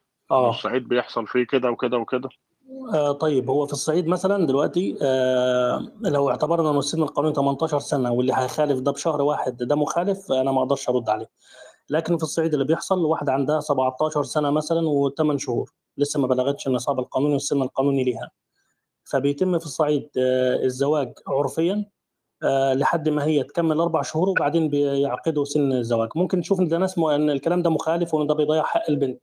لكن أعتقد اللي بيعمل كده في الصعيد والد البنت آه، هو عنده كلمة نافذة عن القانون كمان. يعني لو هو عارف هيجيب حق بنته إزاي. آه ممكن ناس تخطى ده وأنا شايف ده غلط طبعا. بس أنا بقول الواقع اللي بيحصل إن هو خلاص هي أربع شهور وهتتم السن القانوني بتاعها فبيتم عقد الزواج آه، لحين هي تبلغ السن القانوني. طب ممكن حقها يضيع؟ هو وقتها بيكون شايف ان أنا أقدر أجيب حقها ولو جاب الطفل أقدر بالقوة إن أنا أنسبه لأبيه يعني. آه، أي نعم دي ممارسات خاطئة لكن أنا بقول لك اللي اللي بيحصل وقتها يعني إيه لكن ما فيش حد في الصيد يزوج بنته عندها تسع سنين ولا 10 سنين الكلام ده ما بيحصلش ولا 14 سنة كمان. الاحصائيات المركز مجدي ال- ثواني احصائيات ال- الم- مركز التعبئه والإحصاء بيقول من 15 ل 17 بيقول أغلب سن هو من 15 ل 17 الحاجة الثانية كاتبين تقريبا إن في 14000 دعوة نسب دعوة إثبات نسب لهؤلاء القاصرات. فيبدو إن الرجالة ما بيعرفوش يجيبوا حقوق بناتهم عادي وبيروحوا للمحاكم يقول لهم الحقونا إحنا مش عارف أثبت إثبات نسب. 14000 قضية دعوة إثبات نسب للقاصرات في السنة تقريبا. الحاجة الثانية إن السن ما كانش أقل من أربع شهور أو ثمان شهور. ده حصلت عندنا مرة أعرف أعرف آه، أخت واحد صاحبي. كان فعلا برضه حكاية شهرين ثلاثة لسه شهرين ثلاثة تبقى 18 نسبة الصعيد كام يا باشمهندس؟ نسبة الصعيد كام النسبة اللي أنت بتقولها دي؟ هم قالوا أكتر نسبة م- موجودة الحاجات دي على الجهاز المركزي للتعبئه والاحصاء المصري يعني. أكتر عمر بيتم فيه الزواج من 15 ل 17 مش من 17 ل 18 ده مش أكتر عمر ده مش ال... ده مش ال... ده مش السائد. إن هم في آخر شهرين ثلاثة أو بتاع أو كده ده مش السائد من 15 ل 17 بل كمان في 14000 قضية دعوة نسب فهم ما طلعوش رجاله ولا حاجة برضو يعني في حكايه آه لا آه لما انت بتقول لا لا لا, لا. للمحاكم برضو وقالوا انت للقانون بتتكلم كمصري توتال؟ انت بتتكلم كمصري يا باشمهندس كل فانت لما تقولي على ممارسة خط- خطأ انزل كده انزل لأرض الواقع طالما انت بتدافع عن الدين تمام وبتحب الدين انزل على أرض الواقع ووعي الناس بالخطأ اللي موجود تمام؟ إنما أنت يا مجدي لما تقول لي حاجة من 1400 سنة حبيبي أنا مش بتعامل مع النص التاريخية. أنا النص ده ربنا منزله لي عشان أتعامل بيه في الدنيا دي كلها في كل نواحي حياتي وأقيس عليه كل حياتي. فمعنى إنك بتقول لي مثلا إن في ممارسة خطأ بتحصل اسمعني هي أنا هي مشكلتي معك اسمعني أنت اسمعني مصطفى اسمعني مصطفى اسمعني مصطفى اسمعني لحظة اسمعني أنا هرد عليك. اسمعني يا مجدي اسمعني. معنى إن أنت بتقول لي إنه في ممارسات خطأ بتحصل ده ملوش علاقة خالص إنه الدين خطأ تمام؟ الدين فيه حاجات والمفروض أنت تمشي عليها انما في حد بيعمل ممارسة خطأ يبقى الشخص ده خطأ مش الدين هو اللي خطأ تمام؟ أنت مثلا لما تيجي تقول لي أنا بنادي باشتراكية وتيجي تنزلها على أرض الواقع خلاص الدنيا خربت فاهم إزاي؟ فيعني قيس بقى على كل كده أنت لو كل فكرة قلت لي والله هي جميلة من بره ومسمسمة وبعد كده لما نيجي نطبقها هتعمل بس لأ على عكس الدين مش كده تماما يعني يعني. مصطفى أنت لو أختك ست سنين هتجوزها أو تسع سنين؟ سؤال. يا حبيبي أنا المكت... أنا الوقت اللي أنا فيه ده ما ينفعش إن أنا أعمل يا حاجة زي كده. مصطفى خلاص بس ده, ده أنا مش معايا خلاف يا معاك حبيبي لكن بس أنت لا بس ده مش المعيار بس ده مش المعيار برضو طب إيه معيارك يا مصطفى؟ إيه معيارك؟ معلش. آه لو أنت مثلا خلاص أنت دلوقتي عندك قانون تمام يا مصطفى إيه معيارك؟ سي... عندك انسى قانون هتمشي على إيه القانون. إيه معيارك؟ إيه؟ انسى القانون. إيه معيارك؟ لو أنت هتتكلم في الدين أنت عندك معيار عندك فيه نضج جنسي ونضج جسدي ونضج عقلي. ده اللي بيحصل. أنت إيه مختلف مع ده؟ ال science بيقول لك إن البنت بتبلغ عن 8 سنين عادي. هل هتروح تتجوزها عن 8 سنين؟ لو هي مش ناضجة عقليا ومش ناضجة جسديا؟ وهل الرحم بتاعها هل هتعمل كده؟ جاهز؟ هل الرحم بتاعها نعم. بيكون جاهز للحمل؟ لا إذا البنت نضجت نضجت على الثمان سنين لما بنحكي لا لا لا ده هو ده الطرح بتاعهم يا أستاذ علياء أساسا. ده الطرح بتاعهم. لا لا معلش يعني يعني يعني لا س... بيقول بيقول بيقول إن البنت تبلغ على على سبع سنين. فين الساينس هذا اللي بيقول الكلام هذا. آه آه أنا هجيب لك حالا. أنا قلت لك والله؟ سنتر اوف يونج آه ذا سنتر اوف يونج وومنز تمام؟ أيوه أيوه أيوه أيوه. خد المصدر اهو ذا. سنتر اوف يونج وومنز تمام؟ سنة قصدك اذا انت 2018 اذا بتتكلم بلغت على أنت بتتكلم هناك فرق بين البلوغ. ولا بتتكلم على يا جماعة اسمعوا تفضل يا دكتور علي. اسمعوني ممكن؟ لا لا ذا دكتور علي عندها عندها طلع بال هقول بس حاجة. طب أنا هقول لك عشان المصدر ده اللي تقول إن أنا ما عنديش مصدر. the center of young women health تمام؟ ده بيتكلم على السن ال puberty ده مقال منشور في 2018 إنه من 8 ل 13 سنة. وده عموما أي حد في الطب عموما عارف الموضوع ده. لا لا طيب لا آه، في فرق بين البلوغ في فرق بين البلوغ وقدرة الطفلة على تحمل إنه يصير عندها آه، حمل ويصير عندها آه، يعني المواضيع المتعلقة صحيح صحيح بالحمل يا دكتورة صحيح صحيح. صحيح. عشان طب عشان أنا كده أنا أنا نقطتي أنا شايف النقاش عظيم آه، سوري معلش اسمحوا لي أنا أدخل.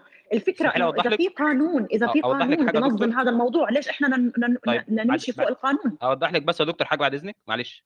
اولا النقاش العقيمي في الجزئية دي بالذات كانت آه، واحدة اسمها الخنساء دخلت قالت إن الكلام ده هي ما تكونش ناضجة جنسيا ومش عارف إيه فأنت إزاي هتجوزها؟ فأنا طلعت أوضح وكلنا والشيخ ياسر والدكتور أحمد والدكتور أحمد تمام آه، كان من شوية بس مش فاكر اسمه الثاني تمام وضح إنه لأ الموضوع مش مقياس مش معنى إن حد مثلا بلغ جنسيا معنى كده إن هو مؤهل للزواج. إحنا ما بنقولش كده إحنا بنقول في الدين إن في عوامل معينة أنت على أساسها بتحدد هل الشخص ده مؤهل إن هو يتجوز ولا لأ. وعندنا حاجة في الدين برضو قاعدة أساسية فقهية بتقول لا ضرر ولا ضرار تمام؟ بس القانون بس القانون اجى في الدول في اسمعيني الدول تمام القانون هل هو اللي نظم هذا الموضوع تمام يا دكتور اسمعيني بس هل دلوقتي لو القانون في بلدي أنا دلوقتي بيقول لي آه، الجز- سن الجواز كذا تمام أنا واجب إن أنا عليا ألتزم بسن القانون ده تمام حاجة تانية لما يجي يقول لي آه، سن مثلا ذوي القاصرات وكذا مش عارف آه، في البلاد الثانية قليل ومش عارف إيه طب هو أساسا هي البلاد الثانية دي الأوروبية دي هم أصلا بيتجوزوا هم عندهم عادي البنت تمارس علاقة ما بين عندها 13 سنة يا دكتور تمام وانت لو بصيت على التغيرات اللي اللي إحنا اللي حصلت في جسم الإنسان عموما ولا ما النضج هو حتى الموضوع مش يا مصطفى وحتى يا النضج الجنسي يا دكتور okay okay. يعني أنا معك استنى شوي بس آه. أعطوني بس دقيقة. موضوع النضج الجنسي وموضوع هاي هاي هاي الأمور يعني لما الدولة تقرر مثلا إنه في زواج آه، لازم يصير بعد سن ال 18 ماشي الحال؟ الدولة ما حطت القانون إنه هيك يعني اجى على بالها تغير القانون. الدولة بكون غالبا بيكونوا في ناس مختصين اجتمعوا ورأوا إنه سن الزواج الأفضل للبنت مثلا فوق سن ال 18 رغم إني أنا بشوف والله لو أنا أقعد أنا بمحل القانون لا أحطهم فوق ال 25 سنة. على البلاوي اللي بشوفوها في المحاكم وعلى على وعلى وعلى عدم النضج بالنسبة لل- للزواج بالنسبة للبنات والطيش اللي عم بيصير ونسب الطلاق العالية وما إلى ذلك. لكن خلينا نحكي إحنا على القانون. الدولة لما تختار إنه يكون القانون السن القانوني للزواج هو سن 18 سنة بكون في آه، مختصين وأكيد إسلام مرسي موجود آه، هو أيضا قانوني. أنا متفق آه، مع ما تماما يا دكتور ما وضع القانون هيك. معلش بس خليني أكمل. أنا اشتغلت أنا لما كنت في الأردن أنا اشتغلت في مختبرات وكان يجين كان يجينا بنات عمرهم 15 و14 سنة بيعانوا الويلات بموضوع الحمل. كان الموضوع إنه أنا أستغرب إنه انت مثلا عمرك 14 سنة. يعني هلأ هي بتحكي لي عمرها 14 لكن بتحكي أهلي كبروني. يعني أهلي كبروني يعني أهل أه- أهلها تلاعبوا على القانون وبزوروا شهادة الميلاد عشان البنت تتزوج وعمرها 14 سنة. طيب بنيجي على الحلال والحرام. ماشي الحال أنا بدي أدخل موضوع الدين. طب مش حرام إحنا نزور؟ عشان نزوج البنت على عمر ال 14 إذا إحنا الموضوع دينيا صحيح. وعندنا حاجة في قاعدة فقهية قلتها إن هي لا ضرر ولا ضرار. دي قاعدة فقهية فيها يعني الموضوع إحنا بنلعب على القانون. على- الدين بيحكي لنا أطيعوا أولي الأمر. أولي الأمر. إذا نحكي إحنا على الدين أطيعوا أولي الأمر اللي هم أساسا أهل القانون. بالظبط. ليش إحنا نطلع فوق متفق متفق القانون؟ تماما. أنا متفق تماما. طالما في قانون دلوقتي بيقول لي كذا أنا متفق معاك. طب مصطفى أنا عاوز أقول شيء. طب مصطفى خليني فرصه أقول شيء. بس شكرا. آه مسألة البلوغ هذه يا مصطفى أنت لما بتقول ال- ال- ال- الوثيقة العلمية المنشور مثلا العلمي ولا البحث العلمي اللي بيقول من 8 ل 13 ثمان سنين يا مصطفى بداية التغيرات الفيزيولوجية عند البنت تبدا تغيرات في- فيزيولوجية. حتى البلوغ البلوغ أصلا مش هو بتنام بت- بتصحى الصبح هي بالغة لا البلوغ هو مرحلة من النمو والاكتمال. ف- ف- فثمانية بس أكمل لو سمحت. ف- ف- فثمانية بتبتدئ التغير الفيزيولوجي ومش كل البنات. فيعني في, في البنات اللي بتبتدئ التغيرات الفيزيولوجيه عندهم سن 13 مش مش يعني البنت نامت صحيت الصبح عندها period ولا عندها يعني بالعربي نسيت بالعربي ال period إيش. عندها period فخلاص هي يعني آه خلاص يعني مكتملة ولا. لا بداية الف- الفيزيولوجي هذا الأول. لكن وحتى بالمسألة دي حتى لو غضينا النظر عن المسألة دي هل البلوغ يعني ال- ال- القدرة على على أخذ ال- ال- القرارات المصيرية في الحياة. فبس هذا طيب. اللي اللي عاوز أقوله. ممكن فما يجيش حد يقول لي خلاص هي هي هي قادرة مثلا قادره لك قادره قادره على الانجاب مش لك؟ فهي هل هي قادره قادرة على اخذ بس أكمل. هل هي قادرة على اتخاذ القرارات المصيرية في الحياة؟ يا سيدي لا 13 و- ولا 18 ن- الزوا... الزواجات يا أخي مصطفى اللي بتكون بين سن 20 و25 احصائيا statistically احصائيا اللي بتكون من 20 مش 25 من 20 ل 28 أغلبها بيصير في طلاقات في في, في 30 عشان الناس مش عارفين أصلا. مش عارفين اللي حلو م- م- من الوحش. الزواجات اللي بتكون بعد ال 30 هي اللي بتكون يعني يعني statistically بتكون ناجحة ومتمسكة يعني ورايحة لبعيد. فبس يعني بس معلومه حبيت بعدين يا جلال بعدين يا جلال مصطفى مصطفى. آه أحكي مصطفى أنا مصطفى نقطة واحدة. آه تفضلين يا دكتور علياء بس مصطفى يعني أخذت أخذت دورك آه، بزيادة يعني. فخلي الدكتور علياء تتكلم وبعد نمشي الدور. الفكرة الفكرة أنا بس ما بدي أتعدى على دور حدا لكن أنا بس مو... لا كنت ابدا تحت ابدا من فترة. بس الموضوع إنه إنه حتى الأهالي اللي بدهم يتزوجوا بناتهم بعمر 14 إحنا كنا دا... والأردن موجود التزويج وأيازن أكيد بيعرف بعمر ال 14 وال 15 وال 16 وكانوا بنات معانا بالصف يتزوجوا بهذا العمر وما إلى ذلك. الفكرة إنه الأهالي بيكون عندهم عدد بنات كتير بيكونوا بفكروا إنه هم بيزوجوا بناتهم للسترة. هيك بيقولوا نسترها كأنها البنت يعني سوري يعني إنه هي يعني ما بعرف شو أنا ما بحب أحكي هاي الألفاظ إنه هم خلص بدهم إنه حطوها عند رجل معناته هذا الرجل راح يحافظ عليها وإنه إنه هو خلص إن الأب ترك مسؤولية هاي البنت. يعني الموضوع ما له علاقة بالدين ابدا. يعني ما شفت حدا زوج بنته عمره أربع عمرها 14 أو 15 أو 16 إنه الموضوع دينيا إلا هو سترة ويخلص من مسؤوليتها ويخلص من مصروفها. بالتالي البنت إذا بنيجي إحنا على القانون لما القانون الأردني يحكي إنه عمر الزواج من عمر 18 سنة فهو هون القانون آه، أعطى للبنت اللي هي حقها في حق طفولتها أول شيء حق الطفولة إنها تعيش طفولة كريمة.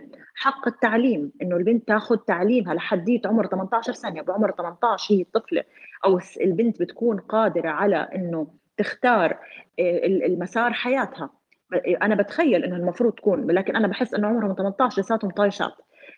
أيضا إنه يكون مثلا صحتها أيضا إنه حق الصحة إنه هي في هذا العمر لحديت عمر 18 سنة بيكون إنها وافية جسديا وصحيا وبحال مثلا لا سمح الله كان عندها أي أمراض في خلال هاي الفترة بتقدر كمان إنها تتعرف على تعرف الأمراض. إذا كان عندها مشاكل مثلا في نضجها الجنسي في وما إلى ذلك بتقدر تتعرف عليها.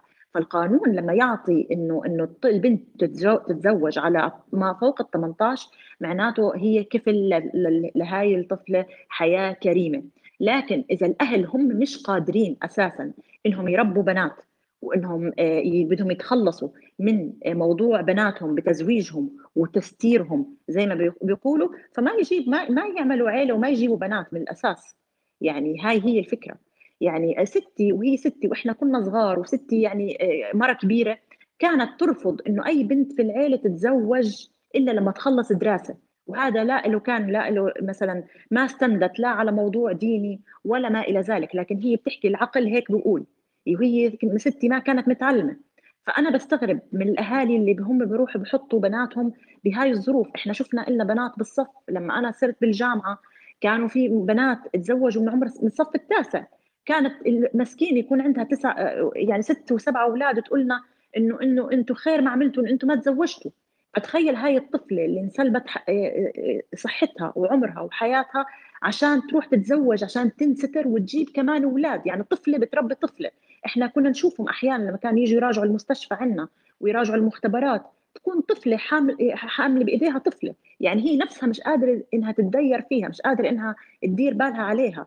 الموضوع مش بس إنه نضج جنسي إنه هي خلص إنه صار عندها رحم وإنها قادرة تحمل. الموضوع أيضا نضج عقلي إنها هي قادرة إنها تكون تبدأ حياه اسريه إنه هي عندها مسؤولية إنها تكون مثلا أم.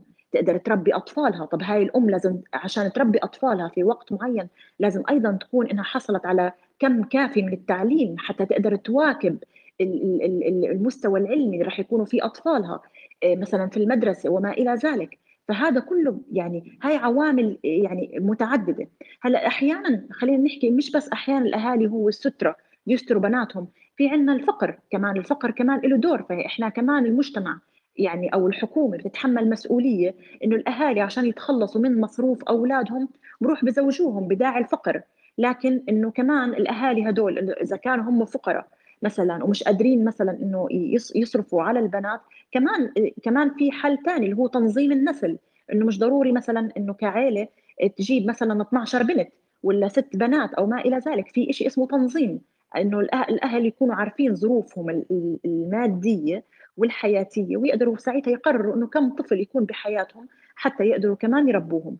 فالموضوع صراحة أكبر من إنه إحنا نحكي بموضوع آه، زواج القاصرات وما إلى ذلك. الموضوع بده توعية أسرية أساسا تبدأ بالأسرة بالمجتمع.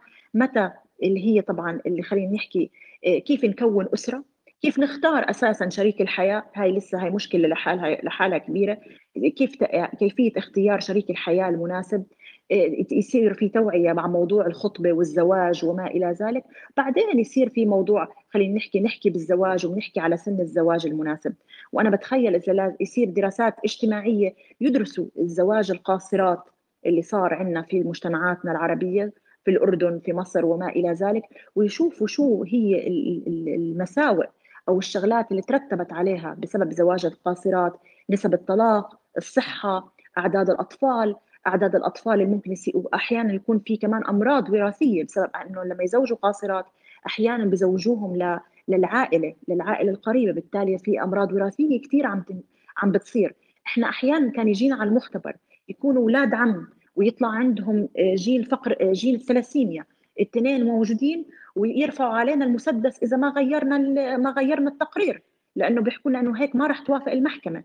إنه شو اسمه إنه يصير في زواج لأنه كان بهداك الوقت ما بعرف إذا القانون الأردني غيره بهداك الوقت ممنوع يصير في كتب كتاب إذا الاثنين حاملين جين الثلاسيميا بالتالي الطفل اللي راح يجي راح كمان آه، آه، طبعا يتمرمر بحياته بسبب آه، طبعا مرض الثلاسيميا راح يكون حامله.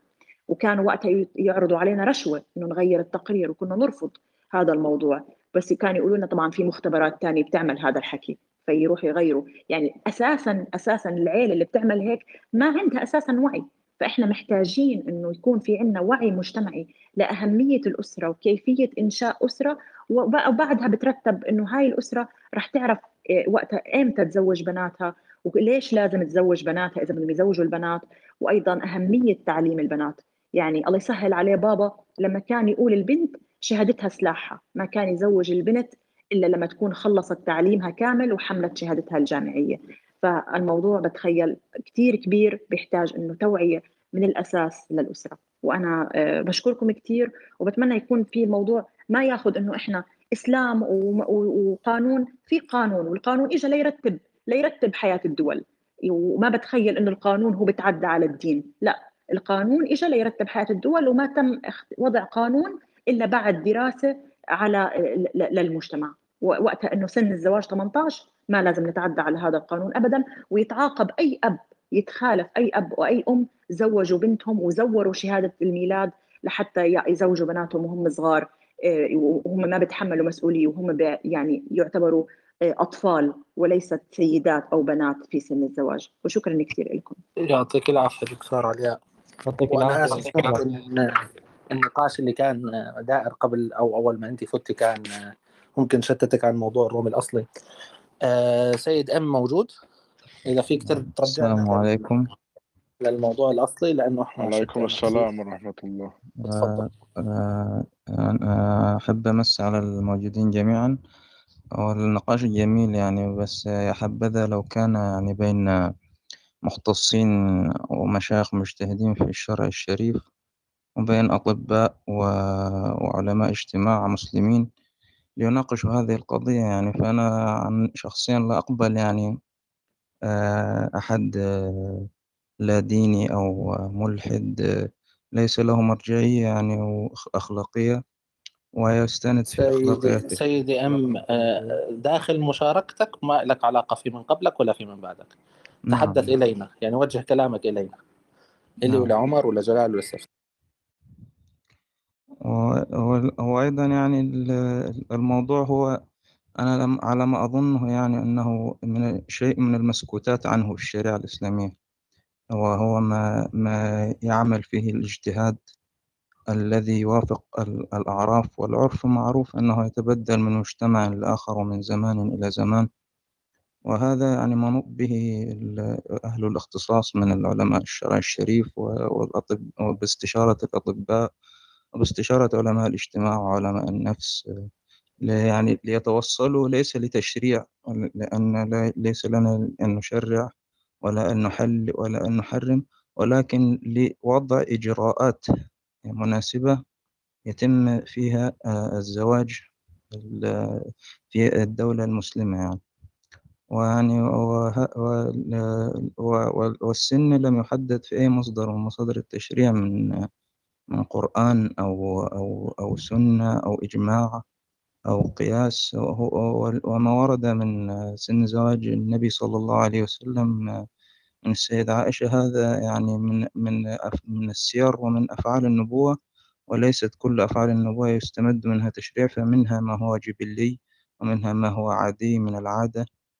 وأيضا آه، موضوع الزواج كله ليس فرضا يعني بل بل آه، الراجح فيه أنه آه، سنة وتدور عليه الأحكام الخمسة فما بالك بالتحديد سن الزواج؟ فل- فلم يقل أصلا أحد من المسلمين يجب على ال- على المسلمة أن تتزوج في سن التاسعة مثلا أو أو في أو في أقل من ذلك وإنما العلماء الذين اجتهدوا في ذلك قد فرقوا بين الزواج وال- وال- والدخول.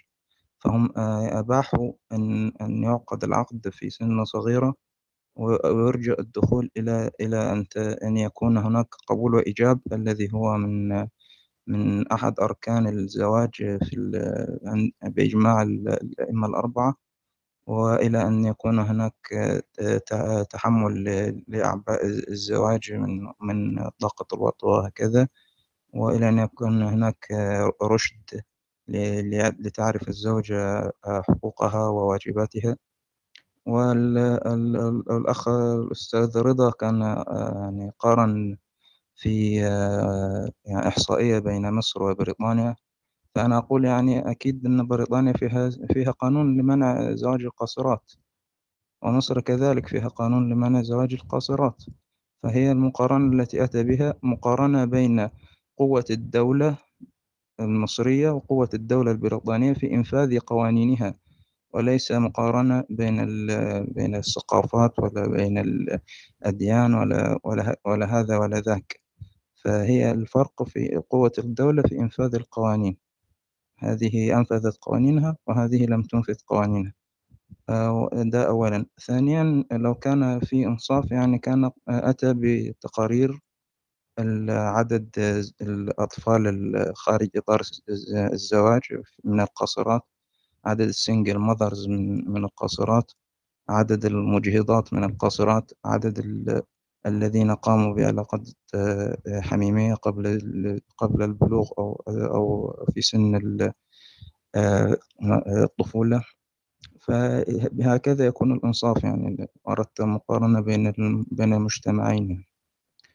ده ما كان تعليقي على ما سبق و ويعني برضو أرجع وأقول يعني لا من الغباء أن نأتي بقانون آه، توافق عليه الغرب في الثمانينات أو في آخر الثمانينات فنعاقب به البشرية جمعاء وليت وليتهم كانوا منصفين واتهموا البشرية كلها بال... بأنهم مجرمين وأنهم بيدوفيليين لا هم يقصدون الإسلام ونبي الإسلام سيدنا محمد صلى الله عليه وآله. وهم للأسف يستندون في أخلاقهم لل- لل- للتطور من البهائم أخلاق تطورية وكنت أقترح أن القوانين لا تحدد سن ملزم فه- فهذا سيخرق يعني في أماكن كثيرة بعيدة عن الس- عن السلطة المركزية في الدول. ولكن كما قالت ال- الدكتور علاء أنه كان كان يوجد لديهم آه، لابد أن أن يكون هناك تحاليل طبية قبل موافقة المحكمة على على إنفاذ الزواج.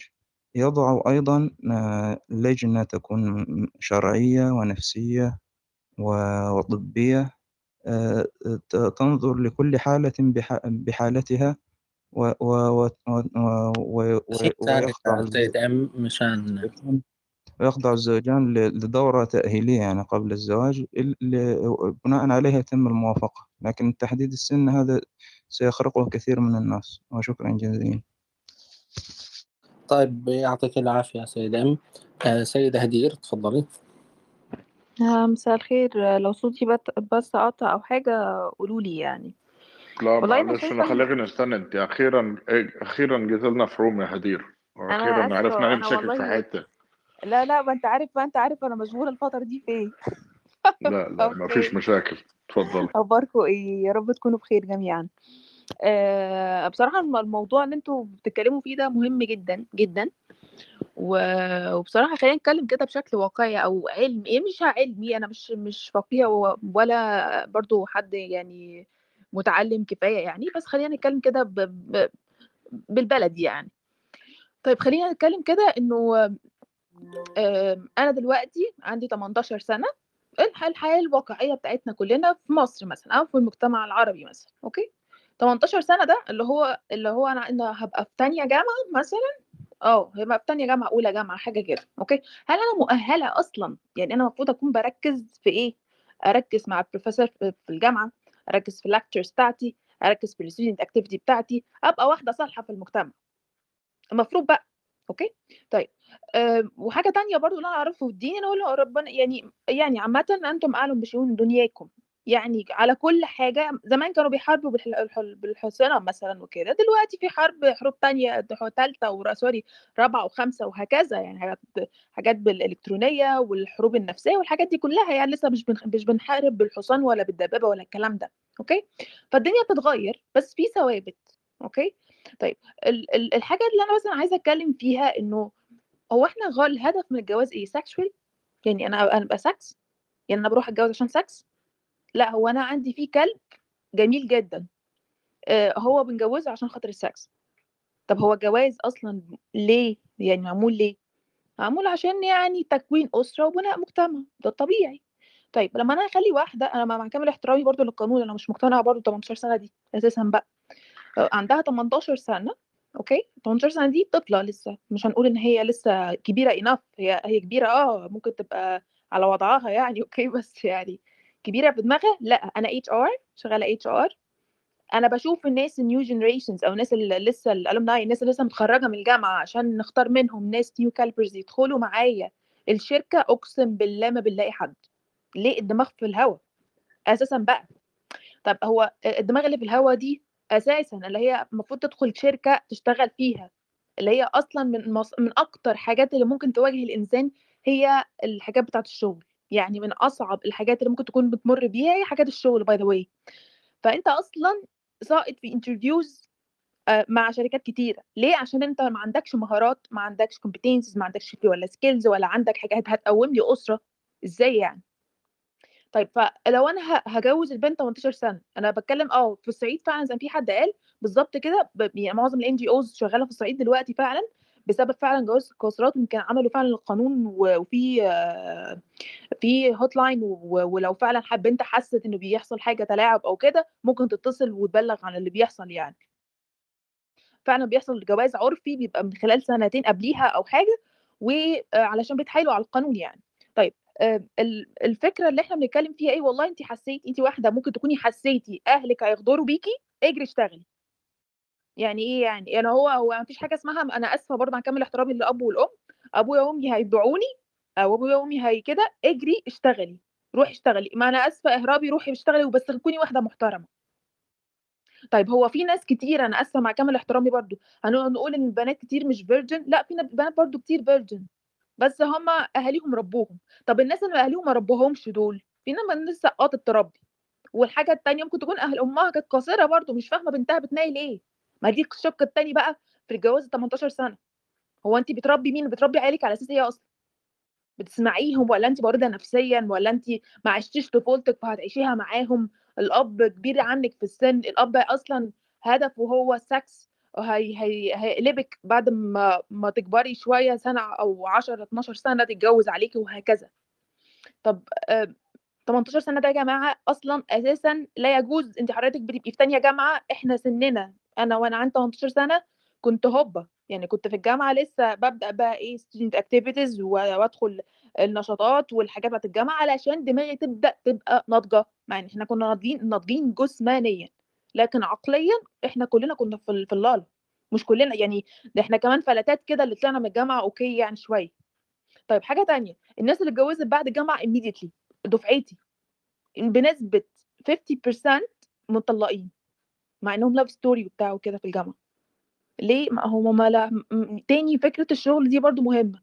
كنت بقى ناس تختلف ناس ترفض ما ترفضش فكرة الشغل نفسها بت بتخلي حضرتك بت بت بتفتح عند حضرتك حاجات كتيرة جدا ومدارك كتيرة عمرك ما كنت تتوقع إن أنت تتحط في المواقف دي.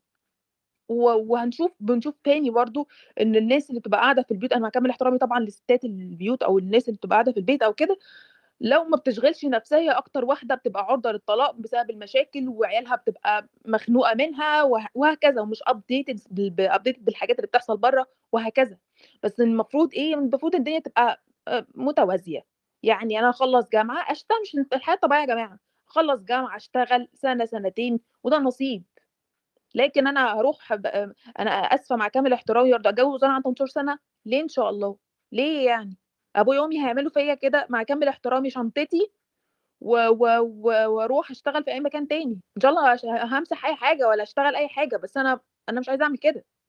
ما أعرفش ده صح ولا غلط بس أنا أنا لو اتحطيت في موقف زي ده اي ثينك يعني هعمل كده. مش مجبرة خالص أتجوز حد أنا وأنا عندي 18 سنة خالص. ولا 18 أساسا هو أساسا حرام الإجبار. يعني أساسا حرام الإجبار. يعني الأهل يعني. ما بيطلع لهم يجبروا البنت تتزوج. أما بالظبط يعني هو أنا هجوز أنا آسفة هو إحنا أنا الكلاب والله العظيم الكلب يعني كلبي في واحدة جبناها له ما عجبتوش. يعني ده الكلاب. فإحنا يا جماعة إحنا بشر وربنا ميزنا بالعقل. والعقل ده المفروض بنفكر فيه بيه sorry. ف... فاحنا إحنا بنشوف والله العظيم مهازل في. في ال interviews بن- بنحاول نجيب حد كده كويس عشان يشتغل معانا. فاحنا محتاجين حاجات كتيرة جدا. الناس دي محتاجة كمان ثواني حاجة تانية. الاسترخاء الاس- بالنسبة للشاب اللي هو مثلا هيتجوز 18 أو ما أعرفش هيتجوز بقى 20 أو 21 وات أو ال- السرعه على الجواز دي. حبيبي هو أنت حضرتك مستقل ماديا؟ لا لا بابي هيعمل لي جاب لي شقة وبابي عم يظبط لي الديكور بابي جاب لي العربية أيوه انت داخل بقى بتعمل إيه؟ أنت هتعمل إيه في حياتك؟ لا أنا مش هعمل حاجة. طب أنت فرحك دفعت جنيه في فرحك؟ لا لا لا بابي هو اللي عمل لي كل حاجة. طب بابي بقى هيحل لك مشاكلك بعد الجواز؟ وهكذا. الحاجة التانية برضه نفسي بصراحة يبقى في مش عارفة اسمها إيه يعني يبقى زي ما في حاجة في الأزهر طلع دلوقتي أعتقد اسمها مواد بيأهلوا الناس يعني. نفسي يحطوا فيها الشق النفسي لأنه لأ مش كل الناس بصراحة تصلح أصلا تبقى أم ولا يبقى أب أساسا. الأجيال اللي طالعة الناس اللي بتنتحر دي ولا الناس اللي, اللي اللي- أنا آسفة بيجي لنا ناس كتيرة بتبقى مضطربه حبايبي بيبقوا عندهم اضطراب. بوادر اضطراب بقى عندهم اضطراب نفسي إحنا جزء من الحاجة الانترفيوز بتاعتنا نفسي. طب بيصعبوا عليا بسبب إيه؟ إن بقى الموضوع بيوصل معاه فعلا لحاجات مش بوادر كمان في ناس بتبقى عندها اضطرابات قد يكون كمان توصل لمرض. فاحنا بنتكلم في إيه يا جماعة؟ الموضوع أكبر من كده بكتير بالظبط ما هو زي ما كانت الدكتور علي كانت بتتكلم موضوع توعية بنت لذينة توعية ثقافية. الدين طبعا على عيننا وعلى راسنا بس كمان ربنا قال لنا أو يعني عامة في الإسلام أنتم أعلم بشؤون دنياكم فدي حاجة مهمة جدا جدا جدا. إحنا ما بنحاربش لسه بالجمال وبالسيوف. ولو كده كنا نزلنا بالسيوف وقطعنا الدنيا بس ما هنلاقي مين يحاربنا بالسيوف؟ وهكذا. فما نمسكش في الحاجات دي ون- ونشوف الحاجات ال... يعني الركن ده ونسيب ال- ال- الكارثة التانية تربية الأطفال إيه نظامها العيال اللي بتطلع ال- اللي عندها أمراض نفسية واللي واللي واللي بيبقى سايب اللي ما تعرفش حاجة عن عيالها واللي واللي بنتها مش عارفة بتلاقيها بايتة مش في مش في البيت أصلا واللي ابنها سارح مش عارفة بيعمل إيه كل ده كل ده بسبب أنا آسفة ممكن يكون تطبيق حاجة زي كده. في في 30 بس. ثانية يا هدير.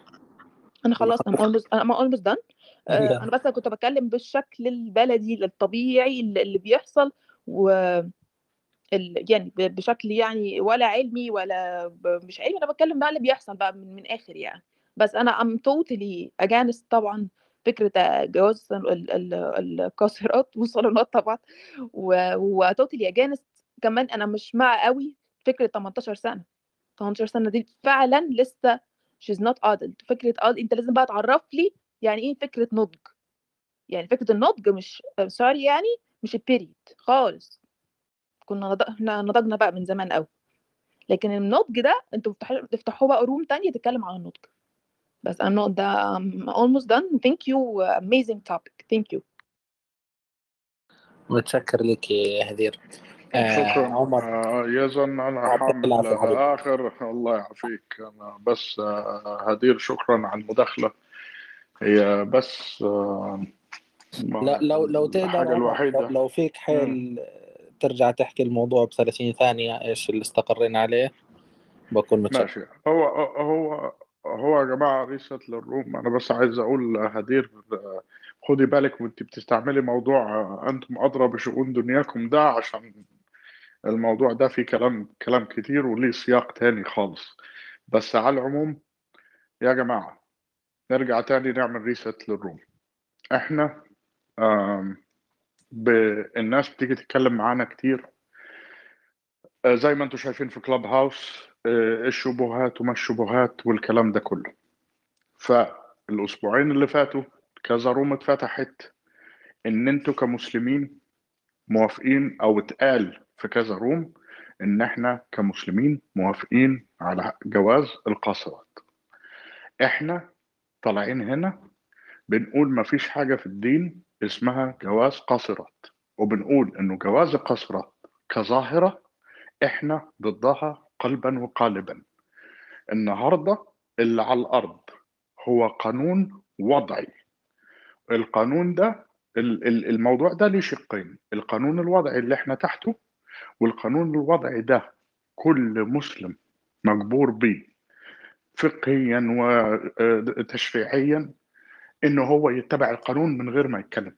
ما فيش حاجة اسمها إن أنت تروح ضد القانون وما فيش حاجة اسمها تبرير شرعي كان أو أي حاجة تانية. ده اولا. ثانيا وجب التنويه عشان الناس اللي بتيجي بتقول لنا أنتوا أصلا بتعترفوا بالكلام دي بالكلام ده شرعا.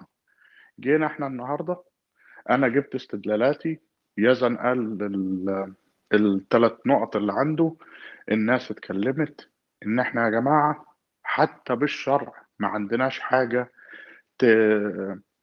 آه، تقول إن إحنا في 2021 تحفزنا على إنه حتى نعمل حاجة زي دي. والحاجة الثالثه والأهم والأهم إن إحنا النهارده يا جماعة عايزين نعرف هو أنت من الطرف الآخر جاي تكلمنا في اللي أنت متأذي فيه النهارده؟ جاي تكلمنا في اللي على الأرض النهارده؟ لو اللي على الأرض النهارده أنت شايفه مشكلة دينية فإحنا أتمنى إن الروم دي مع كل اللادينيين وكل الناس المؤمنين اللي اتكلموا أتمنى نكون وصلنا لحتة إنه المشكلة اللي عندنا مشكلة ثقافة مشكلة تعليم في ناس شايفة إنه السن أصلا المفروض يبقى فوق السن القانوني في ناس أصلت للعقلانية والشروط اللي تكون موجودة وكل الناس متفقة على إنه العرف بيتغير وفي كل الناس متفقة على في الأول والآخر إحنا اللي بيحكمنا. النهارده هو القانون. وزي ما قال الإسلام في مداخلته القانون ده مش بيتطبق على دين واحد ولا على فئة واحدة. وفي نفس الوقت إحنا كمسلمين بنقول القانون الموجود دلوقتي لا يتعارض مع الشريعة ولا الشريعة بتتعارض معاه. فلو سمحتوا لو هتيجوا ترموا الكلام ده على من ناحية إن أنت جاي تهاجم الدين وخلاص كان بها روح يا عم افتح الروم وعايز تهاجم الدين كان بها.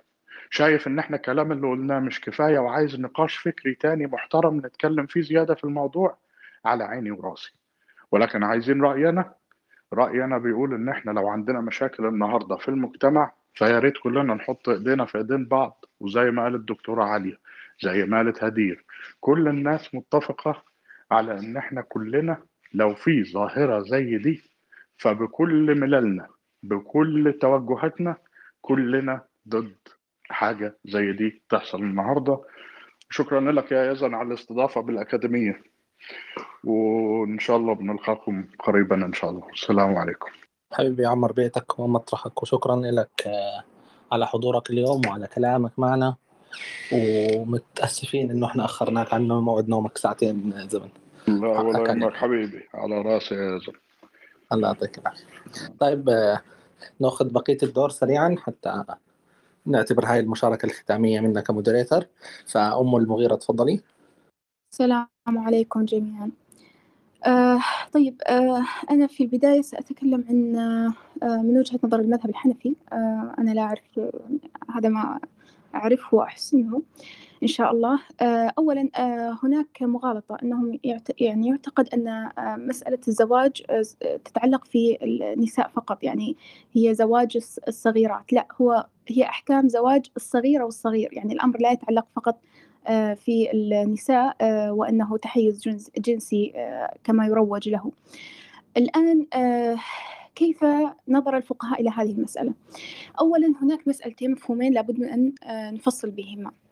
الأول اللي هو آه، العقد والثاني الوضع. الآن العقد آه نعم آه ال- السن هذا آه كما بين الشيخ ياسر أنه آه يكتب العقد لا لا خلاف فيه. لكن هذا العقد نفسه له كذلك قيود. بمعنى طبعا فيما يخص ولاية ال- الأب وال- والجد وفيما يخص خيار الفسخ. آه، عندما تصل الفتاة إلى سن البلوغ لديها خيار الفسخ إن لم يكن يزوجها الأب الجد. قالوا الأب والجد لأنهما تامي الشفقة بينما آه، غيرهما غير تامي الشفقة. آه، هذا فيما يتعلق في العقد نفسه. يعني عندما تصل إلى مرحلة البلوغ إذا مثلا كتب لها العقد قبل سن البلوغ. طيب وبلغت اليوم اليوم لها حق أن تفسخ إذا لم يكن الأب والجد. طبعا إذا كان الأب والجد هنا تدخل أصبحت بالغة فلها خيار الخلع وإلى آخره. الآن فيما يتعلق في الوطء فيما يتعلق في الوطء هناك مفهومين. معيارين. المعيار الأول اللي هو البلوغ يعني أن تحيض آه وال- والخيار أو ال- المفهوم الثاني هو مفهوم القدرة على الوطء القدرة على الوطء له جانبين. الجانب الأول البنية كما نص عليه آه، نص عليه في فتح القدير. بنية الجسد مهمة جدا في آه، في أن تحدد الفتاة إن كانت آه، قادرة على الوطء أم لم تكن قادرة على الوطء.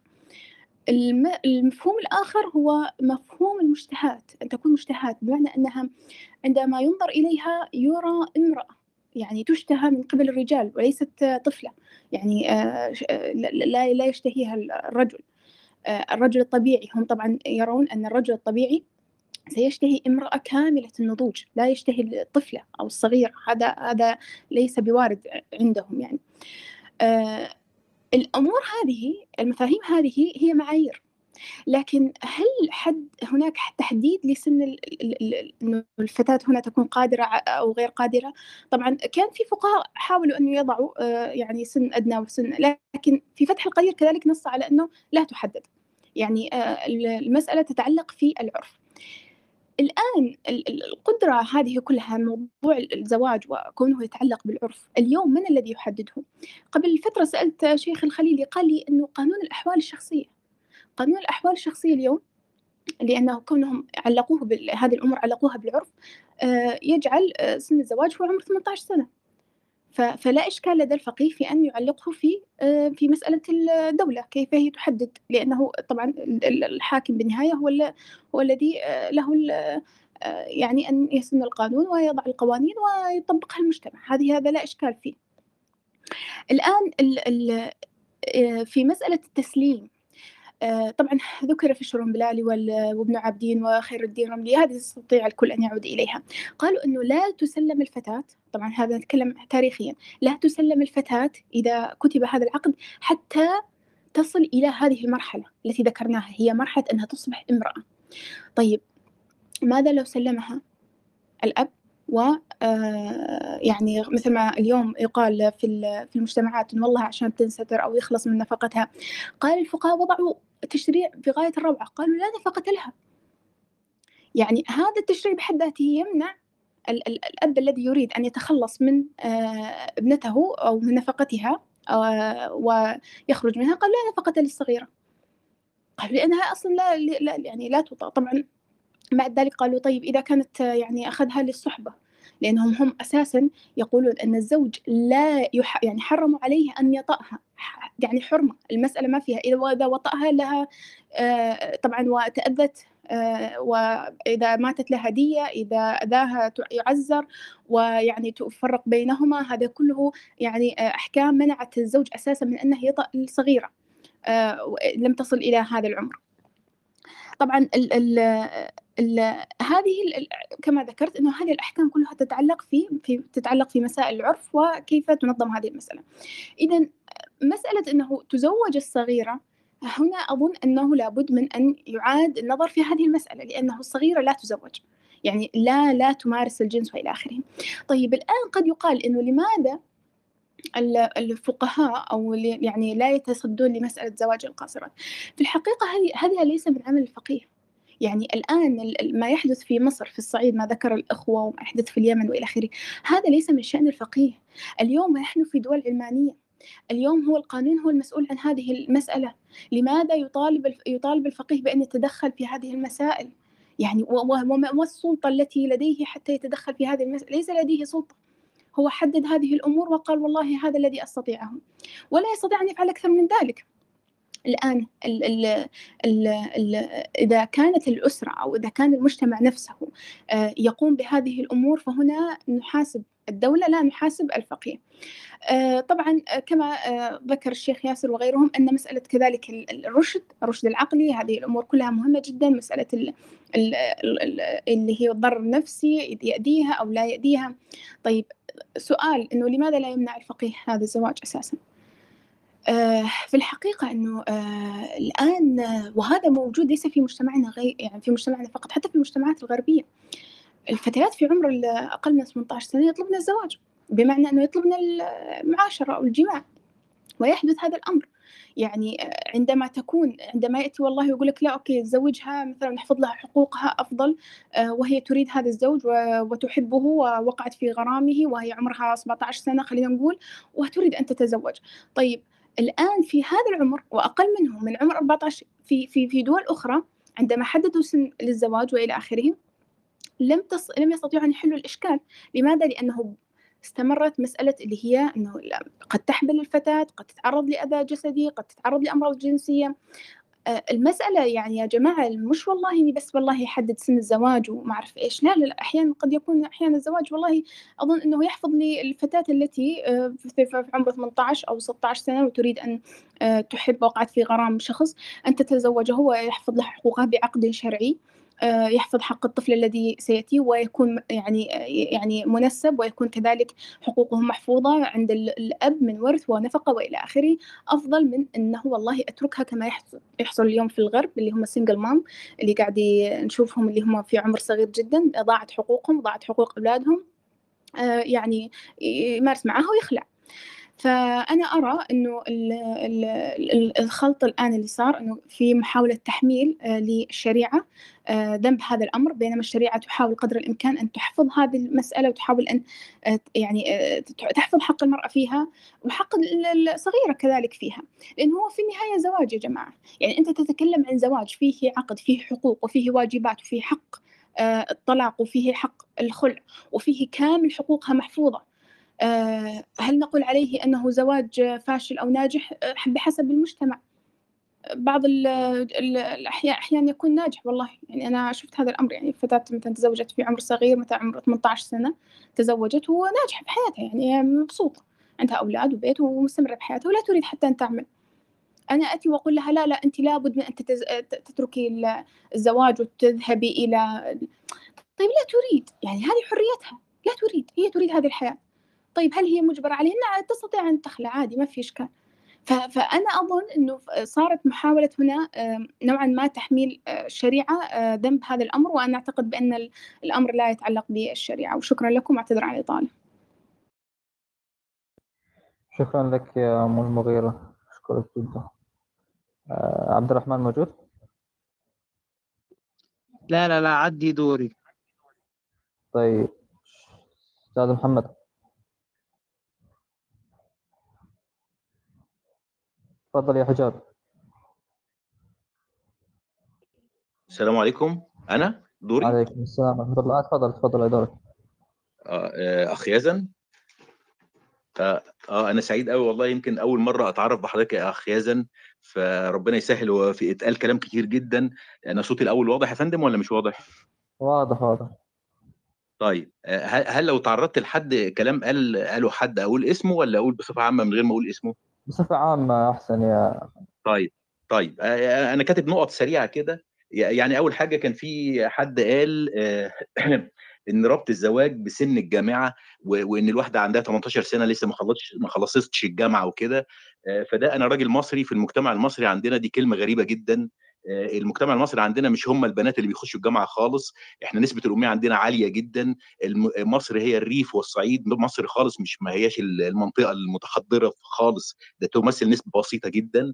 آه، فربط سن الجواز بالجامعة دي أول نقطة دي حاجة غريبة جدا. يعني المفروض البنت الفلاحة اللي قاعدة في في ال- في البلد ديت تفضل مستنية اللي زيها لغاية لما تخلص مثلا ال PhD عشان تتجوز. ده بصراحة منطق غريب جدا. دي أول نقطة أنا رافضها تماما يعني. آه، النقطة الثانية في حد قال برضو يمكن أخت قالت إن إن الجواز آه، مش هو الجنس بس لا يا فندم الجواز نسبة كبيرة جدا جدا منه. أنا ما بحبش أرمي كده أي أرقام يعني آه، إن الواحد يعف نفسه والمرأة تعف نفسها.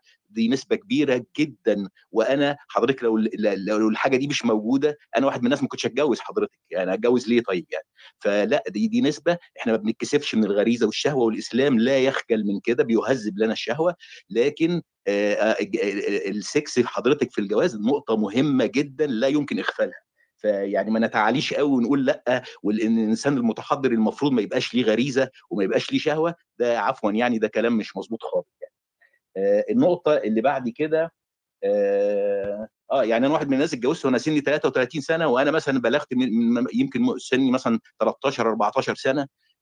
ده في المجتمع الإسلامي الصح لو إحنا بنطبق الشريعة ده الكلام مش مظبوط خالص. سن الطفولة إنه يوصل آه، لسن عالية قوي كده إن أنا أتخرج من الجامعة وأنا واخد مصروف من أبويا ده مش موجود عندنا في الإسلام. إحنا كان عندنا بيبقى واحد 17 18 سنة بيروح يجاهد وبيبقى قائد جيش كمان زي أسامة بن زي- زيد آه، فالسن الطفولة اللي عليت قوي ده ده أصلا مش في الإسلام ده دي حاجة غلط إحنا عشان ما بنطبقش الإسلام وصلنا لكده إنما ده مش موجود حضرتك في الإسلام خالص السن يعلى قوي كده إن المرأة تتجوز عندها مش عارف حاجة و20 عايزينها تعملوها حاجة و20 سنة والراجل يتجوز مش عارف بقى 33 سنة زي ما حالاتي كده أو فوق 30 سنة ده كلام عند حضرتك في الإسلام الصح ده مش موجود عندنا خالص ولازم الرجل والمرأة يعفوا نفسهم من بدري. الحاجة اللي بعد كده أخت برضو اتكلمت قالت آه، إن ال ال- ال 18 سنة دي مش جاهزة ومش مثقفة كفاية. لا يا فندم أنا في جيل أبويا الله يرحمه آه، جدي آه، جدتي من من أبويا وجدتي من أمي آه، كانوا فاتحين بيوت آه، وهم عندهم 16 17 سنة كانوا عندهم أولاد. 16 17 سنة كان عندها عيلين واثنين وكانت بت بتشيل البيت كله وبتروح تس- تساعد جوزها في في الغيط. و- و- وترجع حضرتك كنت بسمع منها حكمة حكم. والله ما ما في واحدة قابلتني في حياتي سمعت الحكم اللي خدتها من جدتي وجت وكانت مثقفة جدا جدا أكتر من أي واحدة خريجة جامعة أمريكية دلوقتي. حضرتك فاللي حضرتك بتقوليه دوت مش صح خالص والجيل اللي حضرتك بتقولي عليه دوت الناس دي ربت طلعوا لنا عباقرة ما فيش واحدة عارفة تطلع لنا واحد دلوقتي طه حسين كانت امه مش متعلمة عباس العقاد ما كانت امه مش متعلمة واتجوزت وهي صغيرة آه كل الشيخ الشعراوي كده لو قعدت أقول لك أسماء كتير جدا هتلاقي اللي ربوهم ناس اتجوزوا وهم صغيرين وما كانش عندهم عقد نفسية ولا أي حاجة وطلعوا لنا هؤلاء العباقرة يا ريت نلاقي واحدة واحدة بس كده تملى عيننا نلاقي تطلع لنا ناس زي دي. اصبر شوي آه، بس يصير بس يصير 50 سنة الم- كمان. الموضوع اللي بعد بيطلعوا كده أكمل كلامي بس أكمل كلامي لو سمحتي الموضوع اللي بعد كده عشان الوقت بس عفوا. آه، الموضوع اللي بعد كده آه، في أخ اتكلم على إحصائية آه، إحصائية ويمكن ال- الأخ إم يعني كفاني الكلام في النقطة دي لأن كنت هقول نفس الكلام بس هقوله برضه آه، إنه بيقول في إحصائية آه، إن مش عارف في في 500 سنة ولا مش عارف كام في إنجلترا ما كانش فيه زواج قاصرات مش عارف إلا 3000 وفي مصر مش عارف 110000 في سنة واحدة وبتاع. دي دي فعلا حاجة غير علمية بالمرة وأنا بتكلم بالمخ ما أنا ما عنديش علم ولا حاجة. لكن أنت حضرتك تقول آه، آه، ممارسة الجنس. لما تيجي تقارن تقارن ممارسة الجنس حضرتك مش تقول لي آه، اللي هناك يمارسوا الجنس خارج إطار الزواج وتيجي تقارن لي تقول لي زواج القاصرات هناك بهنا ده كلام فارغ. ده كلام فارغ والإحصائيات بقى معلش عفوا يعني أنا بقعد أسمع في كل الغرف إحصائيات آه، كل واحد يقول لي في إحصائية بتقول كذا وأنا مش عارف مصدرها فأنا برضه هلجا لنفس الطريقة وهقول له إن في إحصائية طلعتها مجلة اسمها XYZ في آه، جبال لبنان آه، صفحة 153 فوق على الشمال بتقول إن ما فيش زواج قاصرات خالص في البلاد المسلمة. وحضرتك ارجع بقى ورايا وروح دور على المصدر ده. آه، آه، بعد كده الموضوع إن هو الوطء ال- كلمة الوطء والجماع وكده طبعا إحنا في للأسف آه، في إخوة دلوقتي بيتضايقوا قوي آه، دايما الاكسبريشنز أو التعبيرات الإسلامية بقت تعبيرات بايخة وفلاحي لما نقول الوطء أو الجماع آه، دايما يستبدلوها بحاجات آه، آه، آه، آه، ألفاظ ثانية فنقول العلاقه العلاقة الحميمة عشان ما يتضايقوش يعني لأن واضح إن الألفاظ الإسلامية دي بتضايق ناس كتير آه، العلاقة العلاقة الحميمة بره بيمارسوها بمنتهى الأريحية حضرتك من سن يمكن 12 و13 لكن آه عاملين قانون لزواج القاصرات لكن بيسمحوا آه، ب- بال آه، خارج اطار خارج إطار الزواج بممارسة الجنس خارج إطار الزواج وبيعلموهم الجنس الآمن وإزاي تحافظ على نفسها وما تبقاش حامل. فواضح إن الوطء أو الجماع أو العلاقة الحميمة آه، بتبقى مشاكلها كتير جدا النفسية في حالة الزواج. إنما خارج الزواج بتبقى جميلة جدا ومريحة ولذيذة وما بتعملش حالة نفسية ولا بتضايق ولا بتأثر على جسد المرأة. فواضح إن الزواج هو المشكلة والزواج على فكرة في العالم كله هو المشكلة مع المسلمين. ليه بقى؟ لأن الزواج هيؤدي إلى التكاثر. التكاثر ده واضح انهم مش عايزيننا نتكاثر هم متضايقين قوي من تكاثر المسلمين. يعني يمارسوا الجنس خارج إطار الزواج لكن في الجواز لا دي حاجة مؤلمة قوي ولازم نقف مع البنت ونقف ضد الجواز فيعني والله أنا يعني يعني شاكر ليهم لهذا التحضر وإن قلبهم علينا يعني. آه، اللي عايز أقوله بقى في الآخر إن العالم الغربي المتحضر أنا بسميه المتحضر المتخلف لأن هم بيقنعونا إن هم متحضرين ولا هم متحضرين ولا نيلة آه، ويقعدوا يقنعونا بكلام فارغ زي بالظبط مثلا يقول لك إيه آه، إن إحنا عايزين نلغي عقوبة الإعدام. وبعدين يروح ماسك واحد زي اللي قتل ال- ال- ال- الراجل في فرنسا اللي هو ال- ال- الإنسان اللي هو قتل واحد بسلاح أبيض فيمسكه في الشارع بسلاح أبيض ويعدمه. يعني البوليس يعدمه خارج اطار القانون. ليه؟ لأن هو عارف لو مسكه مش هيعرف يعدمه. فهم دايما بيقولوا كلام وينفذوا كلام تاني خالص خالص يعني. فنفس الكلام بيقولوه في سن الجواز. هو دلوقتي يقول لك إن أنا عايزين نخلي سن الجواز 18 سنة فأنا موافقهم جدا وموافق ال- العالم المتحضر دوت. وممكن نسيب بقى الجنس الآمن يبقى في ال- بالذات في بلاد المسلمين زي ما هم عايزين من أول سن 12 13 لغاية 18 سنة يبقى خارج إطار الزواج. ونسمي المرحلة دي من 12 ل 18 سنة ممكن نسميها مرحلة المليطة الجنسية. يعني نخليها كده نقول مرحلة فيك ما فيك المليطة تحكي ما فيك تحكي ب- شكرا. شوي بلغة لطيفة شكرا يعني ما بعرف. شكرا. أنا فلاح حض- حضرتك أنا فلاح وتربية فلاحين. عفوا عفوا. آخر كلمة آخر كلمة. آخر كلمة يا طيب فندم. يعني مصطلح طيب طيب طيب. أنا في فلاح يعني كمان. أنا فلاح. يعني وفي عفوا. عفوا عفوا يا جماعة. أنا فلاح وتربية فلاحين فعفوا لو كانت الفاظي غريبة لأن أنا الفلاحين فلاح. احترامنا لكل الفلاحين بس في لغة طيب. في لغة بسيطة. أنت عم تحكي كلام عم تحكي كلام كثير ونسمعك بكثير رومات عم تحكي. لكن برضه كمان في شوي لغة يعني تكون شوي نوعا ما يعني ع- ع- على الأقل ما بدي أحكي علمية بس تكون حضرتك أنا أنا ف... أنا فلاح أنا فلاح فلاح وعزقت الأرض. فلاح وعزقت الأرض. يا أخي وكنت بمشي لا حضرتك بس بس ثواني بس يا فندم. بس بمشي ورا الجاموسة ب- بمشي بجيب ال- ال- ال- الحاجات من الغيط للجاموسة وكده وبشيل جلة بإيدي. فعفوا فعفوا أنا الفاظي غريبة شوية أنا أنا آسف جدا. أنا بعتذر عن الفاظي محمد طيب محمد طيب شكرا يعني شكرا شكرا. هيك كنت في الكلية. طيب طيب مشكور يا محمد. بس أنا أشكرك. شكرا شكرا جزيلا. مشكور يا محمد.